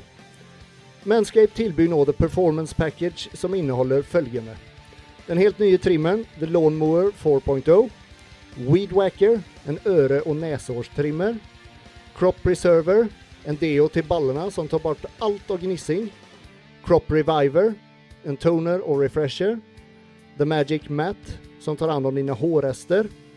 Du får også et par dritige Manscaped boxers. Og du får The Shed, en romslig reisebag i lær. Selv har alltid likt å holde kroppshåret i en sjekk, og jeg har prøvd utallige trimmere og barberhøvler. Nå fikk jeg endelig muligheten til å teste The Lawnmower 4.0, og den gjorde jobben min så utrolig mye enklere. Med sin skin-safe technology og keramiske blad, så er alle små uhell så godt som helt reduserte. Ingen napping eller lugging, og man slipper alt av utslett. Og husk at den fungerer like bra til ryggen og brystet som til ballene. Fruen min har jo vanligvis brukt noe som for meg i hvert fall føles som en evighet når hun barberer ryggen min. Men når hun nå bruker The Lawnmower 4.0, så rekker jeg ikke ens å bli lei. Det går fort, og uten noen som helst napping. Trimmeren har innebygd lys, og den er vanntett. Du kan til og med miste den i do uten at den blir ødelagt. Som du liker å holde styr på kroppshåret, så er det på tide at du også får prøvd denne fantastiske kroppshårstrimmeren. Du vil gjøre både dine baller og din bedre halvdel veldig glade. Eller er kanskje du som jente på jakt etter den perfekte julegaven til mannen din? Da er dette virkelig den ultimate gaven som du kan gi. Hans egenpleie blir mye enklere, og du får en pen og glattbarbert mann. I hele november får du nå 20% rabatt og gratis frakt med koden GYMBROS hos manscape.com. Altså 20% rabatt og fri frakt på manscape.com når du bruker koden GYMBROS. Your balls will thank you. Kanskje du forteller med sjefen min det òg, da. At jeg står i jobb. Da er vi back, folkens! Kjørte første reklamefilmen for Manscaped nå. Har dere fått eh, pakke i posten, eller Mathias og eh, Hassan? Jeg har fått ikke sjekka i dag, så det kan hende å komme inn i dag. Men, Ja. Nei, jeg var veldig fornøyd. Det var bra Skal jeg bruke til håret, da, ikke til, til understellet, holdt jeg på å si. Jeg bruker Ja, andre Jeg bruker den overalt, ja. Den funker som faen. Skikkelig Ja. bra, bra greier, altså. Men jeg kan ta og hente pakka. Jeg har pakka her, så kan vi snakke litt om den, Andreas. Kan vi ikke det? Det kan vi. Hvordan var han på pungen, Andreas? Eh, jeg har faktisk ikke prøvd den akkurat eh, der. Eller, eller okay. ja, ja, jeg har prøvd litt, da, selvfølgelig. Og den Det som overrasket meg så jævlig, det var at den, den går så tett innpå, liksom. Den tar liksom helt inntil. Det er faen meg som å dra en barberhøvel. Så, eh, så jeg kommer helt klart bruke den. Og så er den vanntett, så du kan faen meg ha den i dusjen. nå. Your Ah. balls will thank you. Sånn ser den pakken ut her, da. Så kan du fortelle litt om den, Andreas. Ja, det var det jeg gjorde i reklamefilmen, da. Ja, du gjorde det Så klart. jeg, så jeg, tror, jeg tror de som lytter og, og ser, blir dritlei om jeg drar det en gang til. Ja, men han var veldig fornøyd. Ja, Så det er bra, ble veldig bra, så da bra greier. Og jævlig digge boksershorts. Så, Ja. og, og, og, og det som jeg tenkte på det, For oss som trenere, ikke sant? det er jo veldig mange av oss som liker å holde liksom, kroppshåret in check. Jeg gjør det i hvert fall. Og mm. det, er, det er den perfekte julegaven, altså. Det er faen meg den perfekte julegaven. Absolutt.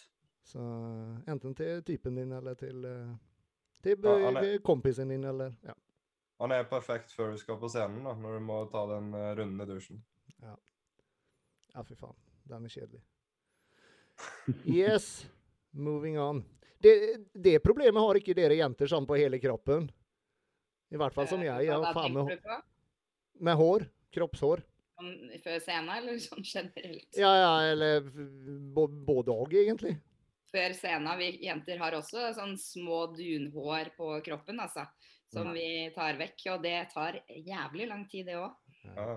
Selv om det ikke syns, så er det liksom sånn Ja, Det syns, det syns når du har fått på farger, da. Da, da kan ja det men det er derfor man tar det av. Ja, og ja, det syns jo liksom ikke til vanlig, da, så man tar jo ikke og barberer det til vanlig, men eh, før scenen så gjør man jo det. Og da ser man jo faktisk hvor mye dun det er eh, på kroppen, og det tar lang tid. Jeg ser veldig klart og tydelig når jeg sitter som dommer hvem som har tatt det her dunet, og hvem som ikke har tatt det. for å si det sånn. Det husker jeg når jeg dømte òg. Du blir overraska hvor mange som faktisk slurver med barbering i det hele tatt. Som har liksom ordentlig hårrester på beina og i, liksom rundt skrittet, ikke sant? Jeg husker de polakkene i to, jeg tror det var 2017 eller 2018. eh, Jeg husker ikke hvilket stevne det var. Om det var Oslo Grand Prix, tror jeg. Og da hadde de ikke tatt håret mellom beina, så når de tok ryggposten bakfra, så kunne du se at uh, det var ikke et pent syn. Da snudde vi oss, for å si det sånn. Det, det er jo i forhold til type ryggen og rumpeballen og sånn, det er jo helt jævlig å se noe. Så det er jo ofte har liksom, de sesongene jeg har stilt, så har de gjerne hjulpet hverandre litt. Ja. Da, det har skjedd flere ganger at jeg og Stian Solgaard har stått og skjeva ryggen på hverandre. ja. Bare ryggen. Vi holder oss til ryggen. I hvert fall eh, her live.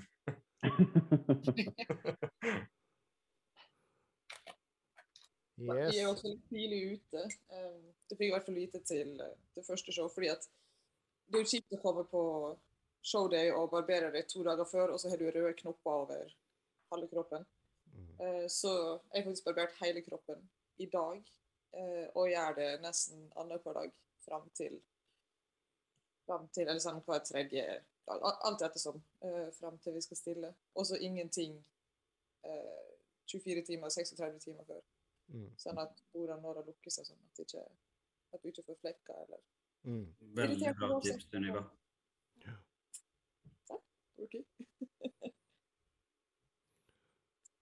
Eh, og jeg- ja, på tal, på tal om hårfjerning, eh, jeg tror jeg har nevnt det tidligere, men uh, ett år så ble jeg, ut- et av de første årene jeg stilte, så ble jeg tipsa om å bruke sånn hårfjerningskrem. Og det, for, for noen personer så fungerer det sikkert kjempebra, men jeg fikk de syke jævla utslettene på magen. Jeg har brukt det hver sesong. jeg. Har du? Ja. Ja, fy faen, I altså. hvert fall på de største plassene, som bein og rygg og sånt. Det funka veldig bra. Får du vekk håra med det også? Ja. Eh, Kanskje jeg må ta et par hår med høvelen, bare sånne småting, men det tar 95 I hvert fall til meg, da. Har det gjort det. Ja, min, Ja, min, min, min, beina, det funka ikke. min hud Men sånt er jo lurt å prøve en stund før da, og se på en liten plass om du reagerer på det eller ikke. Før Ja. du bare smører hele kroppen i det og ser ut som en tomat etterpå. Ja, det var det jeg gjorde. Heldigvis så var dette to uker før konkurransen. Jeg tok jo hele bryst og magen og så ut som jeg faen hadde, noen hadde stått med en sandblås på meg. Hvor mange minutter satt du med det da, Andreas? Nei Brukte du mer enn seks minutter? Fem, fem minutter kanskje. Fire-fem Å, ja. Minutter. Og så tok jeg den jævla spaten og begynte å dra av, ikke sant. Og så kjente jeg det begynte å svi som faen. Eh, Min, min kropp likte ikke det, i hvert fall. Eh. Deres tanker rundt det såkalte powerbuilding. Synes det er et gammelt uttrykk å bruke i dag. Altså, Powerbuilding betyr at du trener tungt og hypertrofi i tillegg, og det gjør jo alle nå, føler jeg. Altså, det er ikke et spesifikt opplegg, liksom. Altså Det de kalte powerbuilding før, i hvert fall, det var jo han der Mike O'Hearn eller sånn heter, som gjorde det veldig populært. At man trente på en måte litt styrkeløft i starten av økta, og så bygging resten av økta. Men det gjør jo de fleste nå. Kanskje ikke ned på tre rett, men de trener tungt i starten og går litt lettere ut av økta. Og Det føler jeg liksom de fleste gjør, egentlig. Jeg syns det er bare tull å kalle det Williams for meg. Mm. På tal om det å å på en måte kjøre sånn eh, typ styrkeløft, styrkeløftetrening, sånn ned to-tre repper. Er, har, har det noen, noen som helst hensikt egentlig i, i det vi driver med? Det kan jo ha, men det er ikke optimalt, kanskje. Altså, det er jo, du har jo noen som gjør det. Er jo bare sånn der Robert Berger fra Sverige. Han har gjort det hele tida. Han ser jo relativt greit ut. Ja. Så det er jo kan man sjøl foretrekke å respondere på, men uh, jevnt over er det kanskje ikke mest optimale. Det er veldig individuelt òg, i forhold til skader og altså, Mm. Sånn som eh, gjerne du, Mathias og meg, våre knær kunne jo aldri gjort det der. Nei, ikke nå lenger. Jeg gjorde det veldig mye før, da. Det er kanskje derfor Ja. jeg har dårlige knær. Jeg vel hun At jo sterkere man er, jo mer vekt kan man flytte i hypotrofifasen. mm, Men mm. Igjen, jo færre reps du er nede på, jo hardere er det jo for nervesystemet, og jo vanskeligere å restituere seg. og Mm. Ja, det var akkurat det. Sikkert godt for å bygge styrke, men igjen så skal man jo litt høyere opp i reps for å kunne flytte mest mulig vekt uten å belaste nervesystemet for mye, uten å ha for store skaderisikoer og Mm. holde lengst mulig, tenker jeg. Stimulus to fatigue ratio. Yep. Jeg vet hun eh, Hva heter hun eh, norske bikiniproffen? Å Så- ja, eh, Maureen. Nei, nei, nei, nå tenker jeg på hun som var for noen år siden. Hun, var med i Olympia. eh, Strømfjære? Ja. Hun, Jeg lagde en reportasje med henne for mange mange, mange, mange år siden. Eh, hun, hun, hun trente jo på en styrkeløfteklubb og kjørte sånn ordentlig styrkeløftetrening. Hun Mm. trente mer eller mindre bare sånn.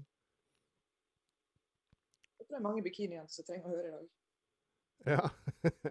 Ja, selvfølgelig å konkurrere i styrkeløp ved siden av, så kan det være greit å vedlikeholde litt, men det er ikke det mest optimale for å bli best på en scene som generelt, da, tenker jeg. Mm.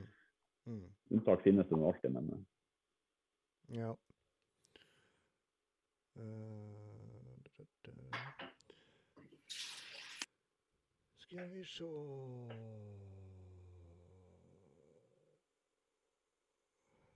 Nei, der.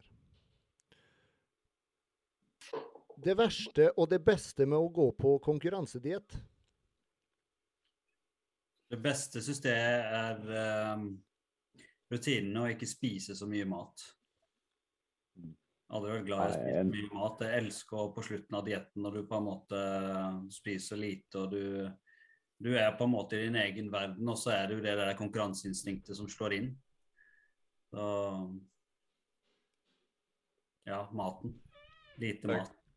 Tenker jo sånn som du sier, altså, med rutine, så er det sånn strukturen på hverdagen, det at du jobber mot ett spesifikt mål hele tiden. Mm. Det, du er så fokusert. Ja. Men gjør dere ikke det offseason òg? Jo, men du har jo ikke Altså, du har litt mer frihet. Det, det, du kan gjerne kjøre strict da òg, men jeg føler du har litt mer frihet. Man kan jo også si at jo nærmere du, du kommer målet, jo lettere er det Eller lettere er. Jo mer fokusert på målet er man også. Og Mm. jeg vet at den, den vanskeligste tida for meg mellom Norge og Danmark-showet, det var faktisk den, de første ti dagene etter showet i Norge, fordi at det var så lenge til det neste målet, da, eller hva jeg skal si. Mm. Jeg tenker meg Hvis man skal på en 12-16 måneders offseason, selv om det er lean games og, og man skal holde formen noenlunde og holde seg strikt og strukturert, så er det neste scenemålet så langt vekk at, at den her Altså Det er jo en grunn til at man sier man havner i diettbobla. Fordi man Mm. er så fokusert på at alt jeg gjør i dag, det skal gjøre at det blir litt bedre i morgen. Mm. Selvfølgelig er det det samme i offseason, men kanskje ikke like intenst. Det er jo gjerne derfor veldig mange går på en smell etter dietten òg, for du har ikke det spesifikke målet så nærme. Mm. Nei, nemlig. Så det er så viktig å få satt et nytt mål. Altså, Mm. ikke, ikke nødvendigvis scenerelatert, men bare et eller annet mål. Mm. Man går mer i den der bobla på en måte på diett. Du er liksom i bobla di. Du vet akkurat hvordan alle dager ser ut. Det er liksom det samme kjøret hele tida. Liv, livet er egentlig ganske enkelt. Men det som er nackdelen, da, i, i hvert fall for min del, og siste ukene, syns jeg er et helvete. Du er liksom sulten og jævlig og null energi. Eh, Ja, asosial. Det er vanskelig å plukke opp telefonen og bare ringe noen, ikke sant? Helst, Ja. eller er jeg, jeg vil helst ikke prate med noen. Jeg vil bare være La meg bare være. Jeg tenker også rutinene, sånn som Lasse sa. altså Det med rutiner på en måte i hverdagen. OK, man har jo de rutinene som man har offseason, men jeg føler de forandrer seg veldig on-season, selv om kanskje Altså, maten er kanskje det samme, men du blir kanskje litt linere og litt mer ren mat. Men med rutinemessig, sånn, med, sånn som Andreas sier, sosiale biten, ikke sant. Eh, Jobbbiten. Vi snakka om det sist, at det er så mye faktorer som på en måte forandrer seg når du er on-season. Og jo nærmere du kommer, jo mer sliten blir du. Jo mindre energi har du til å gi de som er rundt deg. Mm. Eh, så Men eh, man savner, jeg savner veldig de rutinene på diett. Eller hvis det er et mål som jeg har, så setter man seg noen, eh, noen mål som man gradvis på en måte slavisk følger. da. Mm. Det, det er noe man eh, som jeg alltid gleder meg til når jeg vet at OK, nå skal jeg på diett. Men merker jo det sånn der eh, bare nå, når så hver gang jeg blir invitert på noe, så er det faen, jeg ødelegger rutinene mine. Jeg vil ha, vil ha rutinene mine som det er. Mm. Ja. Og så er det offseason, og liksom familien vil ha deg, og da vet de at nå kan du være med og spise, eller hva faen, og så inviterer de meg på alt. Men da kan ikke si nei, for det er offseason og faktisk kan være med. Mm. Men jeg kjenner jo på, kjenner jo på litt den der uh, rutinen allikevel. Mm. Derfor skulle du flytte et hardt land unna foreldrene og slippe det. det hjelper ikke. De følger etter deg. Bare be foreldrene lage diettmat til deg. ja, nei, men jo, jo, altså det, det har aldri vært noe problem, men de, de vet å utnytte seg, fordi de vet jo med tiden så har de blitt vant til når jeg sier ja og ikke. sant? Ja, ja. Når vi er først er inne på det, så har jeg fått et ønske å snakke litt om eh, Just når man er på ko- konkurransediett, det å ha, ha på en måte en eh, om, om man nå da har en partner, ikke sant? At de på en måte har forståelse for det man driver med.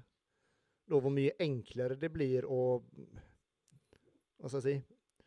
Det er mye enklere å Som du og Janne Hassan, dere driver med det samme. Sammen med deg, Lasse. Sammen Mm. med deg også, Jannike, hva jeg har forstått i hvert fall. Um, og, i, og i mitt fall òg. Det er noen som har, har forståelse for det man driver med. Mm. For det Jeg tenker i hvert fall at det må være, være veldig vanskelig hvis du ikke Det går ikke som ikke som går rundt og hater på det du gjør, så går det ikke. Da, da må du enten slutte med det du gjør, eller finne en annen partner. Ja, ja, ja. Vi så jo det litt for første gang jeg konkurrerte, så eh, Nikolai hadde jo veldig stor forståelse for hva Fordi han vet jo alt om trening og har jo prøvd diette før og sånn. Mm. Men han hadde jo ikke stilt før.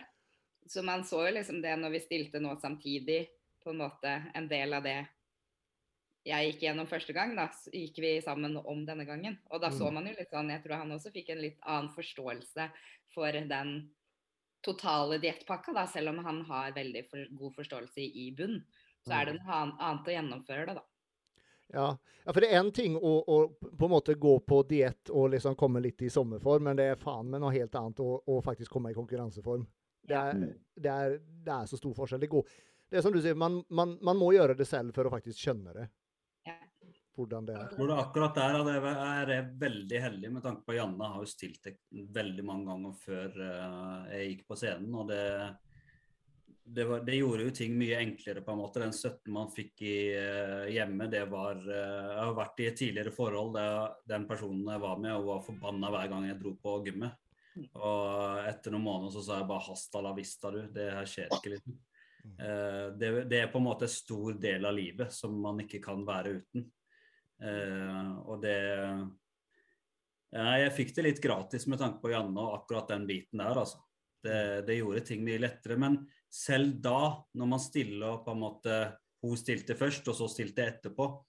Så var veldig mye fokus på Man blir veldig sånn der eh, Man får veldig sånn der eh, meg, meg, meg. Ikke sant? Så man glemmer jo på en måte partneren sin. Men når vi stilte sammen i 2014, det var liksom den beste tida vi hadde sammen under trening. Vi trente sammen, vi spiste Vi lagde mat sammen, vi, vi spiste sammen. Altså, man gjorde så mye mer sammen da når man gikk på diett sammen og stilte sammen. Der er jo veldig stor forskjell, eller stor kontrast mellom å ha en partner som også stiller opp, og ha en partner som ikke klarer at du skal på gymmen hver dag. Ja, ja. Mm. Så det finnes sikkert ganske mange mellomtinger, bare man har den her gjensidige forståelsen og respekten for at OK, nå skal jeg kanskje på konkurransediett i fem måneder.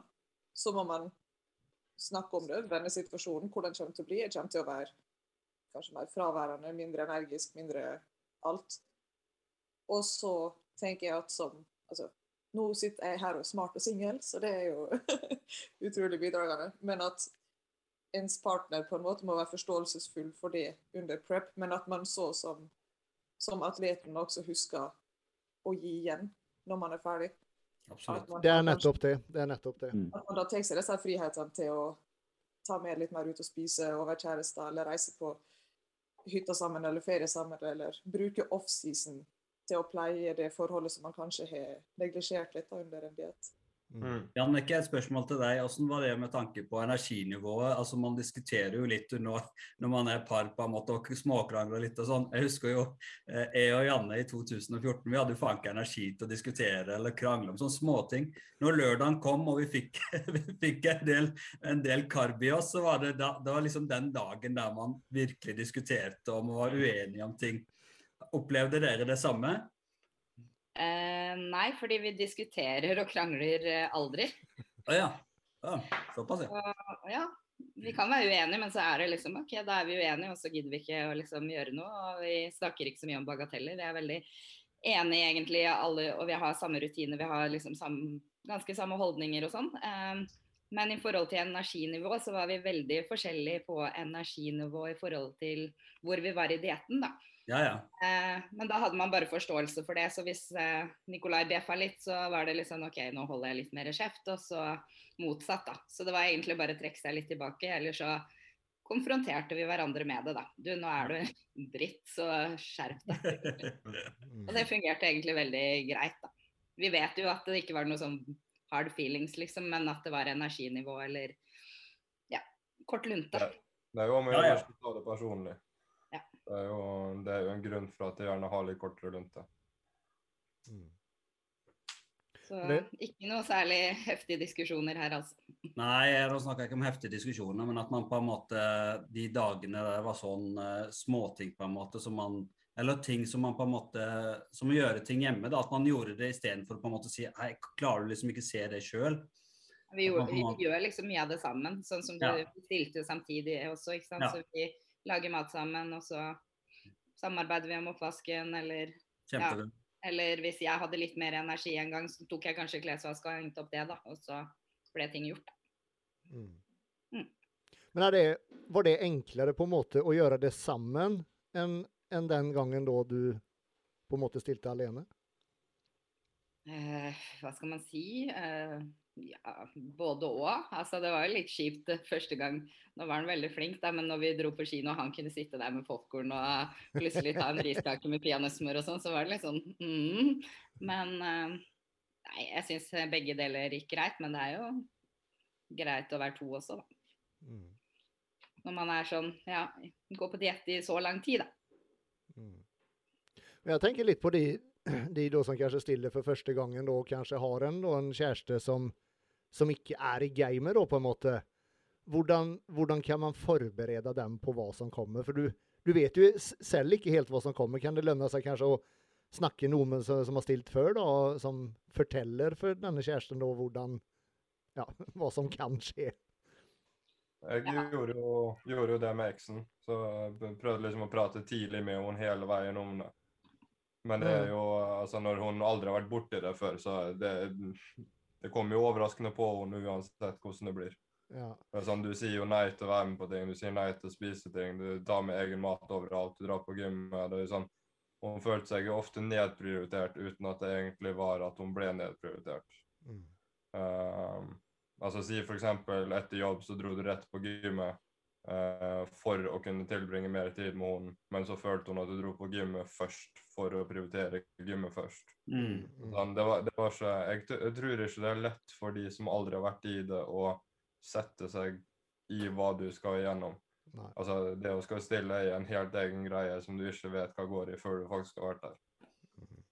Men det er jeg helt enig i, Lasse. Jeg tror Uansett hvor mye man forbereder den andre partneren på, på det, så tror jeg ikke Jeg tror ikke de kan sette seg inn i det før de har gått igjennom det. Nei. Og jeg, jeg sa jo hele tiden det før, at jeg trenger ikke en dame som eh, driver med det samme, og eh, som jeg kan godt klare med en dame som ikke trener og sånn. Og så ble jeg sammen med Natalie, og så ble jeg sånn Helvete, livet ble jævlig mye lettere. Mm. Ikke sant? Ja, ja. Ja, der plutselig så har du eh, forståelse begge veier, og det, det, er ikke, ser ikke så jævla dumt ut å stå i bokseren foran kamera og posere, og du spiser 50-årslag, så tar du med matboksen, og det, det går fint. Mm. Så, Der hører du Sunniva, du må skaffe deg en bygger eller noen som driver med det samme. Ehm, skal vi se. Vi kjører en kort eh, reklame før vi tar neste spørsmål.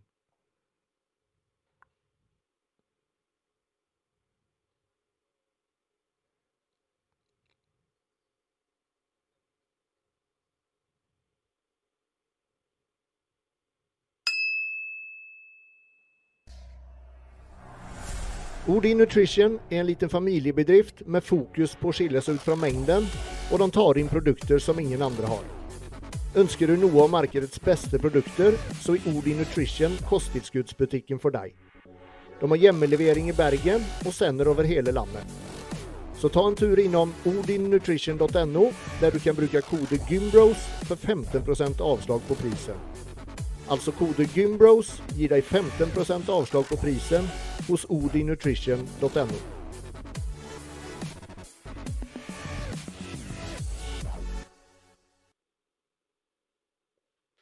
Sånn, da er vi back. Hva sa du, Lasse? nei, vi Eh, Nei, eh, tidligere i en eller annen reklamepause så ville Sunniva vite hvor jeg var fra, og så ba jeg henne gjette ute i poden en gang. Oh, ja. Og så eh, begynte hun å gjette på det nå. Så jeg vet ikke, hva, hva endte du opp med å gjette på, Sunniva? Eh, ja, men jeg ville sånn umiddelbart si sånn Førde eller Sogn og Fjordane, og så ble det litt i tvil, for så ble det litt sånn Volda-dialekt, syns jeg. Og så, men jeg tror jeg må gjette stort og si innenfor Sogn og Fjordane en eller annen plass. Ja, jeg, eh, jeg, jeg har alltid pleid å si det at jeg har en veldig unik eh, dialekt, for jeg har ikke hørt så veldig mange andre snakke den dialekten her. Men eh, det er altså en eh, jævla dårlig blanding av bergensk og østlandsk. Så jeg, Ja, så jeg, er født i Bergen, bodd altfor lenge på Østlandet, og så bor jeg i Bergen igjen, og så har det bare blitt til en sånn helt uh, rar greie. Ja. Også, ja, ja. Det må være fordi jeg er sunnmøring sjøl at det bare andre er fra Sunnmøre. ja. Nei, det, det som folk gjetter mest på, er Ålesund, faktisk. Ja, Ja. det er der jeg, der jeg er fra. Ja. Så, men er opprinnelig bergenser, ja. Det er bare, Det ser man. Da har vi et par spørsmål til. Um, noen tips og, eller triks når det kommer til tilberedning av mat på diett? Airfryer. Airfryer. Jeg tenkte akkurat på det samme. Jeg gidder ikke noe annet. Airfryer og riskoker. Det, er- keep it simple, stupid. ja. det gjør du mye av jobben. eh, Det gjør mye av jobben, altså. Ja, for det er noe av det, det eh, På tale om sånn negative eller nedtur med det. og Jeg i hvert fall syns det er så jævla kjedelig å lage mat på diett. -hmm. Det er dritkjedelig. Du blir så lei, så bare gjør det enklest mulig, tenk- tenker jeg i hvert fall. Jeg har jo havnet i en sånn der eh, de siste sesongene jeg har stilt, så nyter jeg å lage mat, for da okkuperer jeg tankene med noe. Så da lager jeg jo mat eh, daglig, og så hiver på en eller annen podkast på øret, og så går det i ett og rydder kjøkkenet og rydder litt klær eller et eller annet for å gå tiden. Mm. det er ganske vanskelig å lage mat akkurat nå, fordi jeg vet at uh, det ikke smaker. Står her og lager kylling og ris og laks til ja, fire-fem dager. Men uh, maten er alltid best når den er nylaga, og så vet du at nei, det er ikke ennå. Må vente til han er stått kald i kjøleskapet et par timer. Eh, Det, det er derfor jeg lager mat daglig. For jeg gidder ikke den uh, bokssmaken etter tre dager. Det, det, ikke, det, det klarer jeg ikke å prioritere tid til. Hvordan boks bruker dere? Hva sa du? Altså, For bokssmak, sier jeg. Hvordan bokser bruker dere? Jeg bruker Ikea. Ja, jeg òg. Tuppevare. Det har jeg brukt eh, gang på gang på diett. Jeg merker det, det er som å ha fersk mat dagen etterpå. Altså. Og to dager etterpå òg, syns jeg. Men det, det er tror- faktisk greit. Det blir jo veldig individuelt hva man liker og Ja. Hva du, hva du gidder å gjøre, rett og slett. Mm. Og så gjør du, Mathias. eh, Prepper du dag for dag, eller? Ja, dag for dag, ja. Altså, jeg har såpass mye mat og har ikke plass til å treffe for to dager i kjøleskap. Så jeg bruker bare et, uh, 20 minutter på kvelden, og da har jeg laga mat hele dagen etterpå, egentlig, uten noe frokost. Mm. Ja. Så det går egentlig relativt fort. Ja. Du bare finner en enkel rutine på det. Ja, ja nettopp. Knut, Øynes i 2013 så var innom eh, Sandefjord, eh, eller Tønsberg, eller hvor det var hen en gang, og trente sammen med han eh, Egil. Da var Knut der, og da satt han med en svær boks med, med ris og kjøtt og diverse ting. Det var liksom hele Det var liksom eh, rasjonen for hele dagen, da. Mm. Mm. Jeg hadde han en svær boks på hele dagen, så han bare grudde den opp og spiste hver gang han skulle spise. Jeg husker so Ja, Sora gjorde alltid sånn også. Ja, ja. Make it simple stupid. Ja. Enkelt og greit. Eh, skal vi se Ja, jeg fikk et spørsmål forrige uke eh, som ikke rakk Eller som jeg så først etter podden, fra Sunniva. Husker du det, Sunniva? Ja, ja, det husker jeg godt. Det var sånn basic spørsmål. Hvor ser hver enkelt seg selv om fem år? Jeg syns det var et bra spørsmål. ja. Hassan, hva gjør du om fem år? Fem år, så eh, er målet å være med i et verdensmesterskap i classic. Om det er classic games eller classic bodybuilding. Er du over 40 da? Uh, nei, det er jeg ikke. Det er jeg. ikke. Men uh, det kan godt hende at det eventuelt før en prep tar meg et halvt år Hvis jeg klarer å overtale Janne til å ta et år permisjon, da, ta et halvt år eller et år i utlandet, om det er Dubai eller Kuwait. Hvis du skal til Kuwait, da kan du stille åpen om to år. Nei. Det blir ikke, det blir ikke, som, du, det blir ikke som du tenker deg, så det Litt, litt, litt kylling derfra, Hassan. Litt kylling. Litt kylling fra rabben. Ja. Nei, jeg skal holde meg i classic bodybuilding. Jeg har ingen, uh, ingen ønsker om å Progresjon er alltid fint, men jeg har ingen ønsker om å bli uh, på en måte tyngre enn det, det er. Og så føler jeg at jeg har uh, en del eh, Jeg har lyst til å stille i utlandet og prøve meg i classic i utlandet før jeg eventuelt eh, går opp ei klasse i framtida. Mm. Hvis du tenkte treningsmessig, Sunniva, så er det det Det var et ganske åpent spørsmål, så får folk velge litt selv hvor mye de legger i det. Om det er trening, personlig, jobb. Det er sånne spørsmål jeg hater å få sjøl, så jeg syns Andreas var ganske kjekk og tok det med denne poden istedenfor. Ja, ja.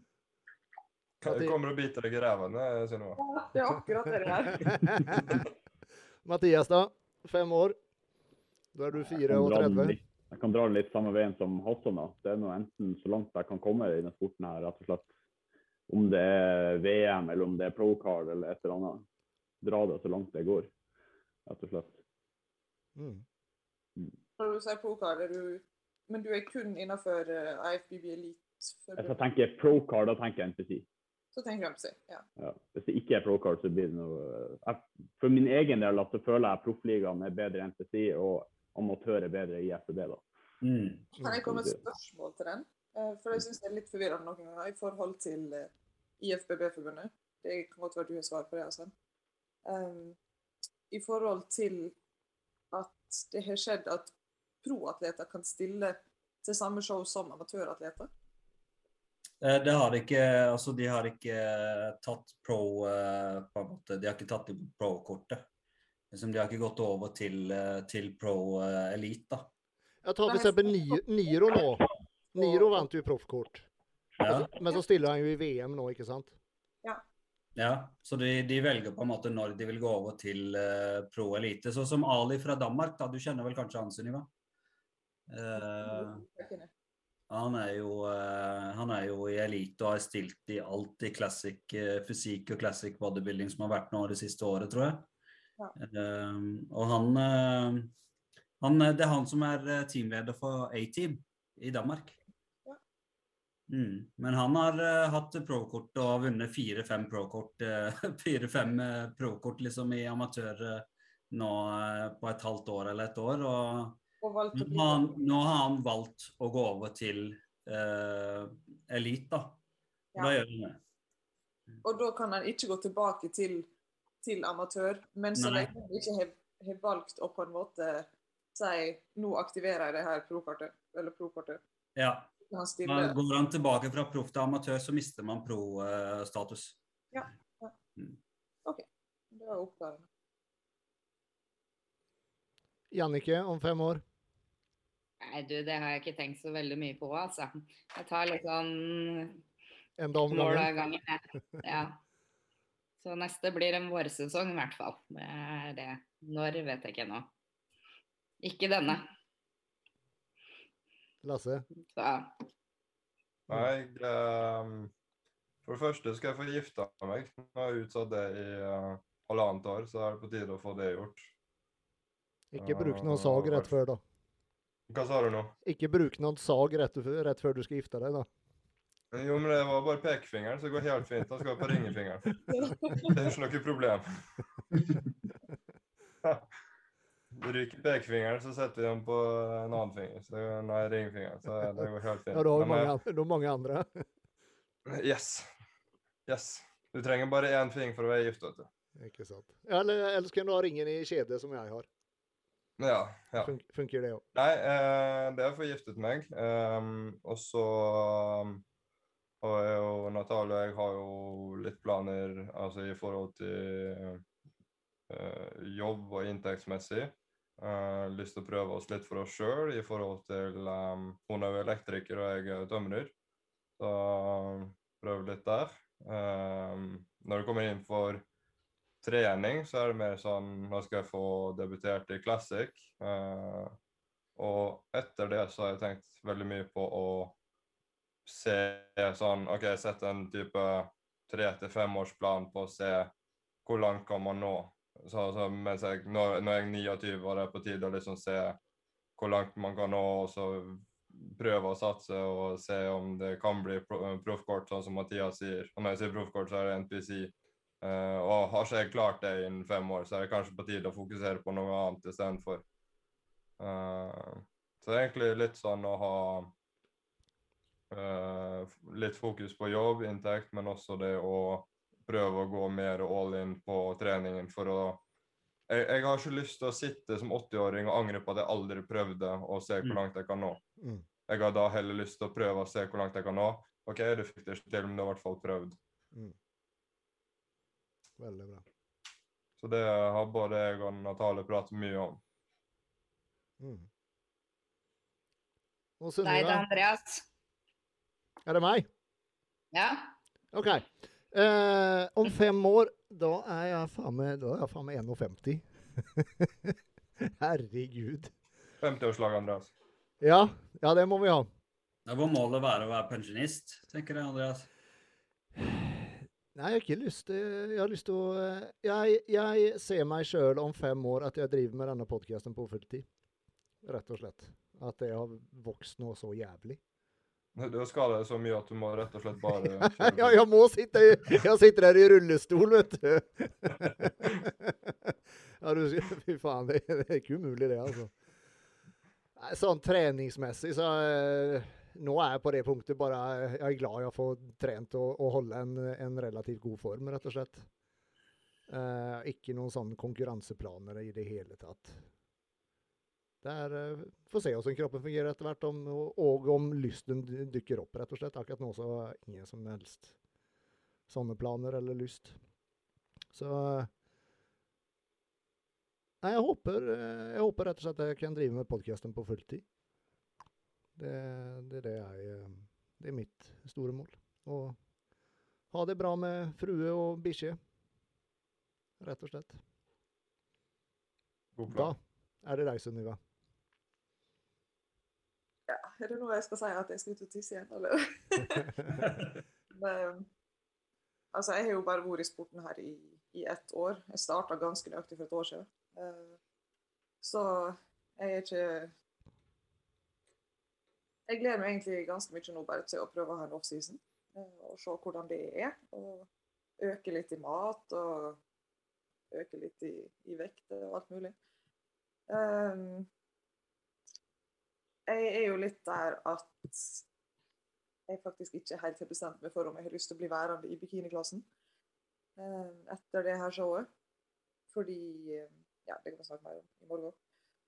Men fem år det er veldig langt når man er 23, syns jeg. så det, akkurat nå så står det litt i at uh, kanskje på tide å begynne å studere litt. Og prøve å kombinere studielivet med å holde inntekter til husleia og litt bodybuilding på sida, og, og se hvor langt det kan la seg komme. Jeg var jo eh, satsende eliterytter før jeg gikk over til eh, bodybuildingsporten. Og jeg var nødt til å slutte der pga. en ryggskade. Og før jeg fikk den skaden, så var jeg sånn all in på at det var kun det jeg skulle. Og det var, altså, det var drømmen.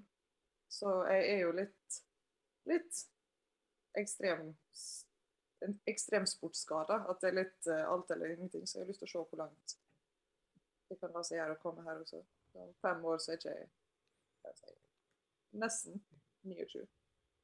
Så det var litt som, um, som Lasse også sier der, at uh, man får se hva man rekker på fem år. Og om jeg fortsatt sitter her og er smart og singel, eller om jeg har begynt å få meg til rette med mann og bikkje, som Andrea sier. Du, du kan være smart i forhold òg. Kan man det? Ja, det går an. Du må bare, finne, må bare finne riktig. Ja. det er det. Veldig bra. Eh, da skal vi se. Da har vi et spørsmål til Nei, to, jo, ett. Hvem vil du se meg Eller hvem vil dere se Andreas intervjue på podden? Gi meg litt tips nå. Skal det være nordmenn? Nei, det kan være egentlig en eh, nordmenn Vi har jo eller svensker. Har du hatt Niro på podden før. Niro, Ni- Niro har vært med. Eh, så dere SM? Mm. Litt. Så dere Junior eh, Open? Mm, nei, ikke hva jeg kan huske, nei. Der, eh, det var jo årets eh, snakkis.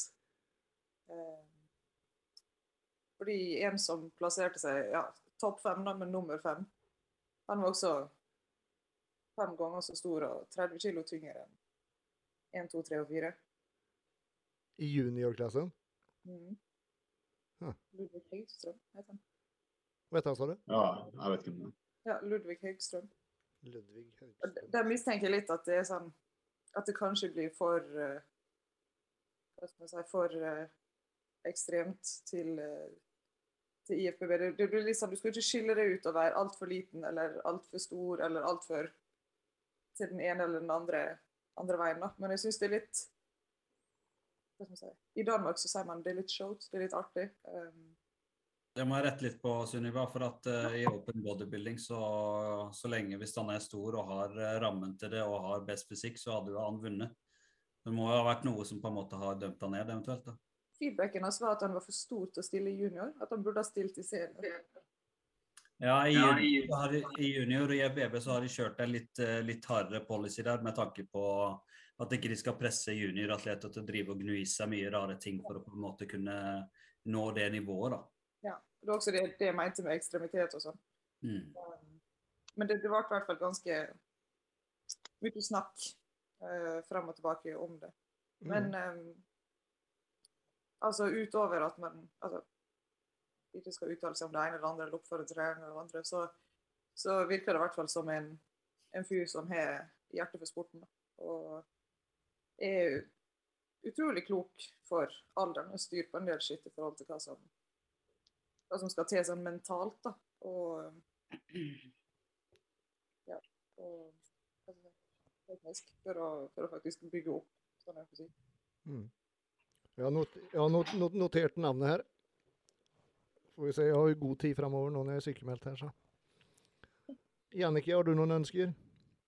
Er den svenske Joar Fellmar eller noe sånt noe.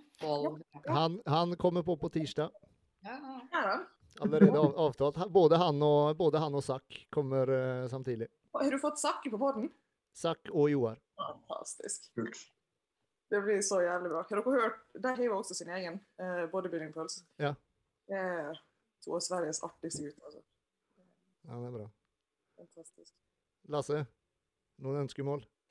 Ja, men uh, er det kun norsk eller svensk? Eh, ja, i første omgang. I første omgang. Ja. Eh, jeg, vet ikke jeg vet ikke hvor mye han uh, vil uh, snakke og sånn, men uh, Askeland var jo stor en gang i tiden òg. Ja, jeg, jeg, vi, vi har vært i diskusjon om det, så det er bare det å finne en dag som passer. Så Ja. han, han, han står på den lange lista mi, Mm. helt klart. Ellers så er runde to med tesen. Det venter jeg på. Mm. Mm. Eventuelt uh, Totto òg. Kunne vært gøy. Ja. Veldig gode forslag, det skal jeg notere. Mathias, noen ønskemål, unntatt deg sjøl? Men fikk jeg litt jernteppe siden det må være bare norsk og svensk. Nira har du hatt. Uh, Jostein Ødegaard har vært artig å ha, kanskje. Ja. Han, eh, Jostein, ja. han står Mm. også på lista mi. Han og Stellander. Kanskje vært artig å ha Maureen med òg, siden hun har vært med i Olympia og sånne ting. da. Ja. vært litt derifra, Mm. den delen av verden. Mm. Ikke dansk, altså? Jeg skjønner faen eh, veldig dårlig dansk, ass. Jeg sliter nå jævlig med det. Så, så vi skal ikke snakke dansk i morgen, eller? Tror du vi skal ha hele podkasten? Ja, ja, vi, da, vi, kan, vi kan prøve. Vi kan prøve. det kommer litt an på han uh, Mohammed Ali Fabulous. Det er Mohammed Ali. Mm. Det var han jeg snakka om, han proffen som, eh, som gikk over. Martin Troive kunne vært et alternativ. Han Ja. svensk. Han står også på lista. Mm. Han fant eh, faktisk ut av Mohammed at han var i familie. At vi var i slekt. Mm. En av sånne der eh, 20 menning, 20, en av de 20 fetterne.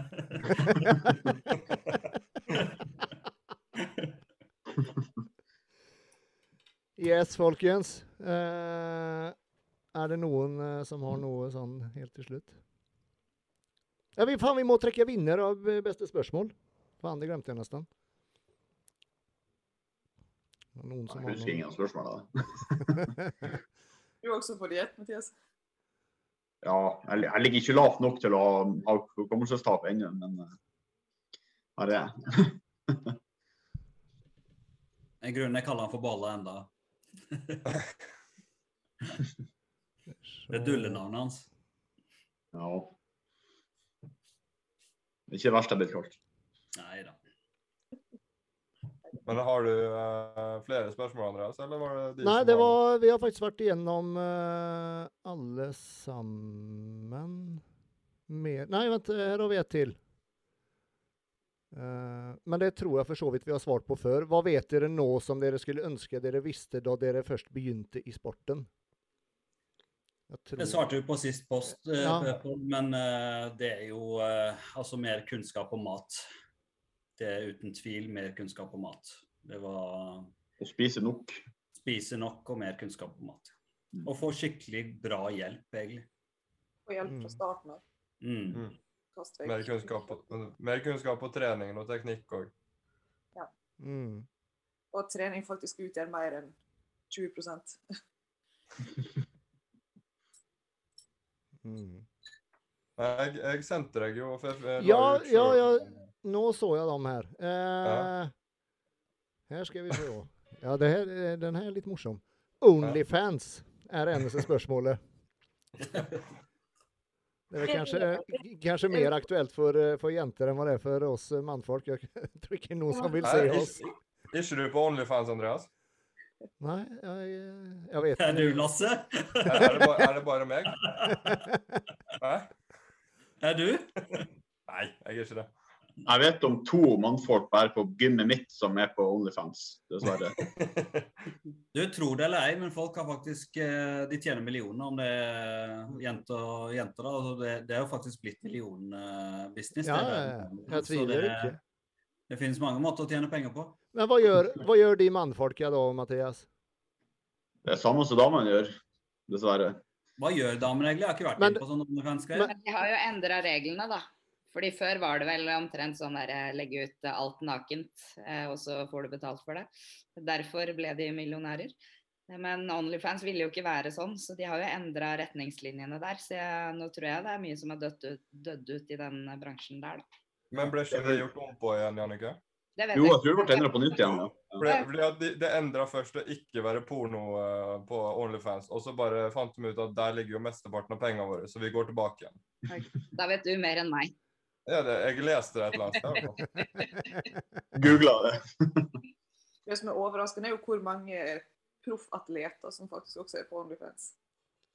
Mm. Det, det, det, altså, det er sikkert det er så overraskende, men jeg ble i hvert fall overraska.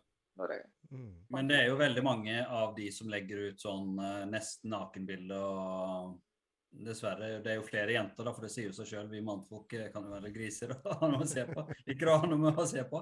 Men det, men det er liksom sånn, det er blitt, hvis man tenker på at man tjener en million dollar i året Mm.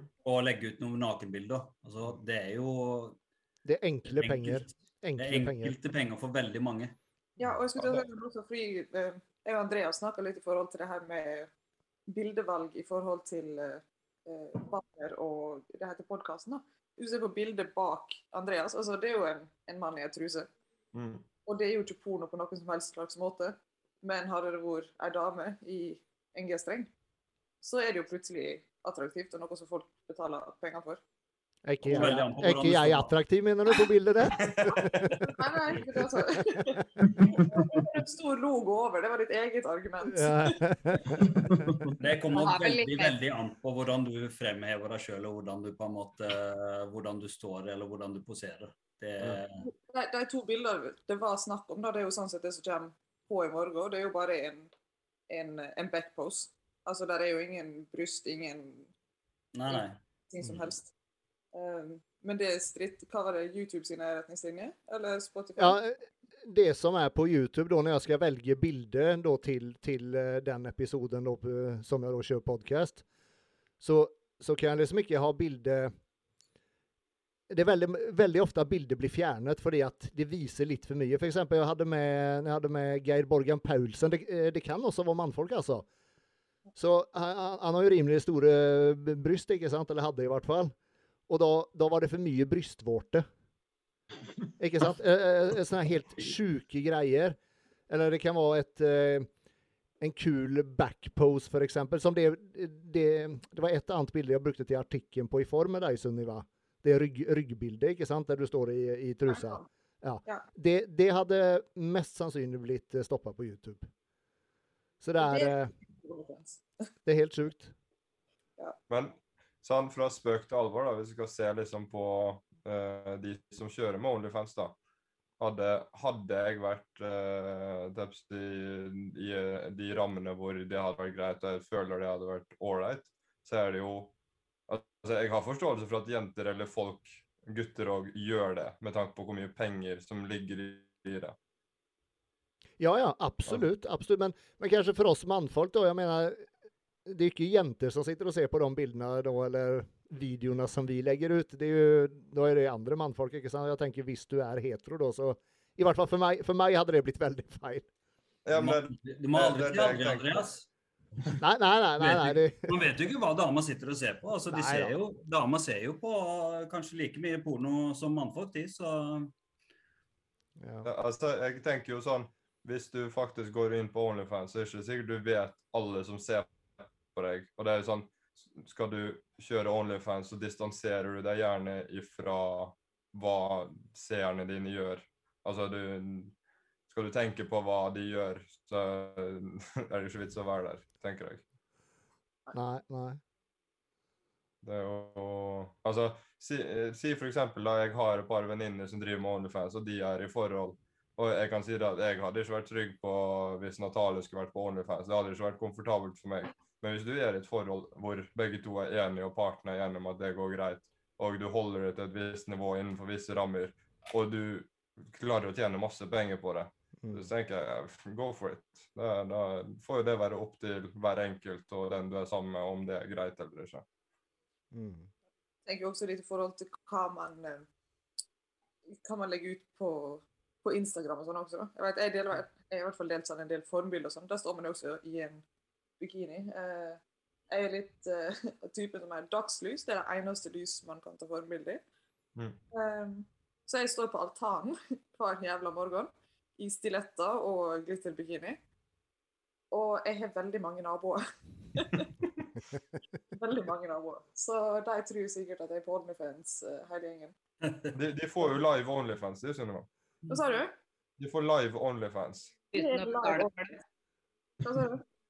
Og uten å betale for det, sier jeg. Ja, du, må, du må begynne å ta betalt. ja. Må skrive Vipps-nummeret eller kontonummeret ditt på vinduene. Sett opp et skilt med vips. Nei, men, altså, Na og jeg har faktisk prata om det i forhold til bare Instagram. da. Altså, Det er forskjell på å legge ut bilder hvor du ønsker oppmerksomhet fra andre, kontra bilder som gjerne er updates på hvordan du ser ut i forhold til scene eller form. Altså, Om Natale steller seg i bikinien og legger ut på Instagram for å vise formen, så betyr ikke det noe. Men om Natale går og legger seg på stranden og gjør seg sexy og legger ut på Instagram for å skaffe seg oppmerksomhet, Ja. så ville det vært et helt annet scenario. Helt enig. Forskjell på fysikk og, og porno. Ja, definitivt. Mm. Men i dagens samfunn så er det veldig normalt å legge ut bilder av Altså Det er veldig vanskelig for oss menn å gjøre oss sjøl sexy, på en måte. Det er jo damene som gjør det. ikke sant? Det regner jeg med at dere alle er enig i. Og det, det er liksom sånn der, det er veldig fokus, altså sånn sexfokus. Man skal man skal på en måte alltid eh, Det ser jeg jo også i fitnessbransjen. altså Man skal snu ræva til og rumpa ut. og trening og altså det Ja ja, gjør som dere vil, men eh, jeg syns ikke noe om det, egentlig. Nei, men altså, hvis, Sånn som Mathias sier, sex selger. Og det, jeg tror Enten man vil det eller ikke, liksom. Ja, altså Ja. mennesker under ett. Vi mennesker klarer jo å snu alt om til å bli et eller annet sexgreier hvis vi vil. Og det, det, folk er veldig opptatt av det. Det er morsomt å prate om, og det er interessant og spennende. Jeg tror egentlig nesten av hva som helst kan gjøres om til sex, og det skaper blest. Mm. Men, men hva mente du da, Hassan, når du, når du sa det her med så, ja, så er det veldig sånn snu rumpa til og ditt og datt og, og gjør som dere vil? Altså Det- Se på Story og sånne ting. at Det er, sånn, det er veldig, ja, det det. ja. litt sånn veldig normalt at man på en måte Rumpa skal være i fokus alltid. Eller det skal liksom være noe sånn litt sånn sexy på en måte. Man skal fremheve den sexbiten på en måte. da. Ja, no, no, Være attraktiv, liksom. Da, da søker man gjerne oppmerksomhet. Altså da, da er det gjerne noe annet man får Man ønsker oppmerksomhet fra andre, eller Altså Ja, det er i hvert fall det jeg ser for meg, at hvis du legger ut noe for å være sexy, så søker man gjerne oppmerksomhet eller tilbakemeldinger på det. Det er jo en bekreftelse. Bekreftelse. Ja. Mm. Herregud, vi legger jo ut forbilder. altså det med meg sjøl iblant når jeg trente og var på en måte var i grei form og sånne ting, når jeg la ut bilder, så, så var det for å få bekreftelse. Det er jo det man gjør. når man Ja, legger Ja, man lyver hvis man sier at man ikke gjør det.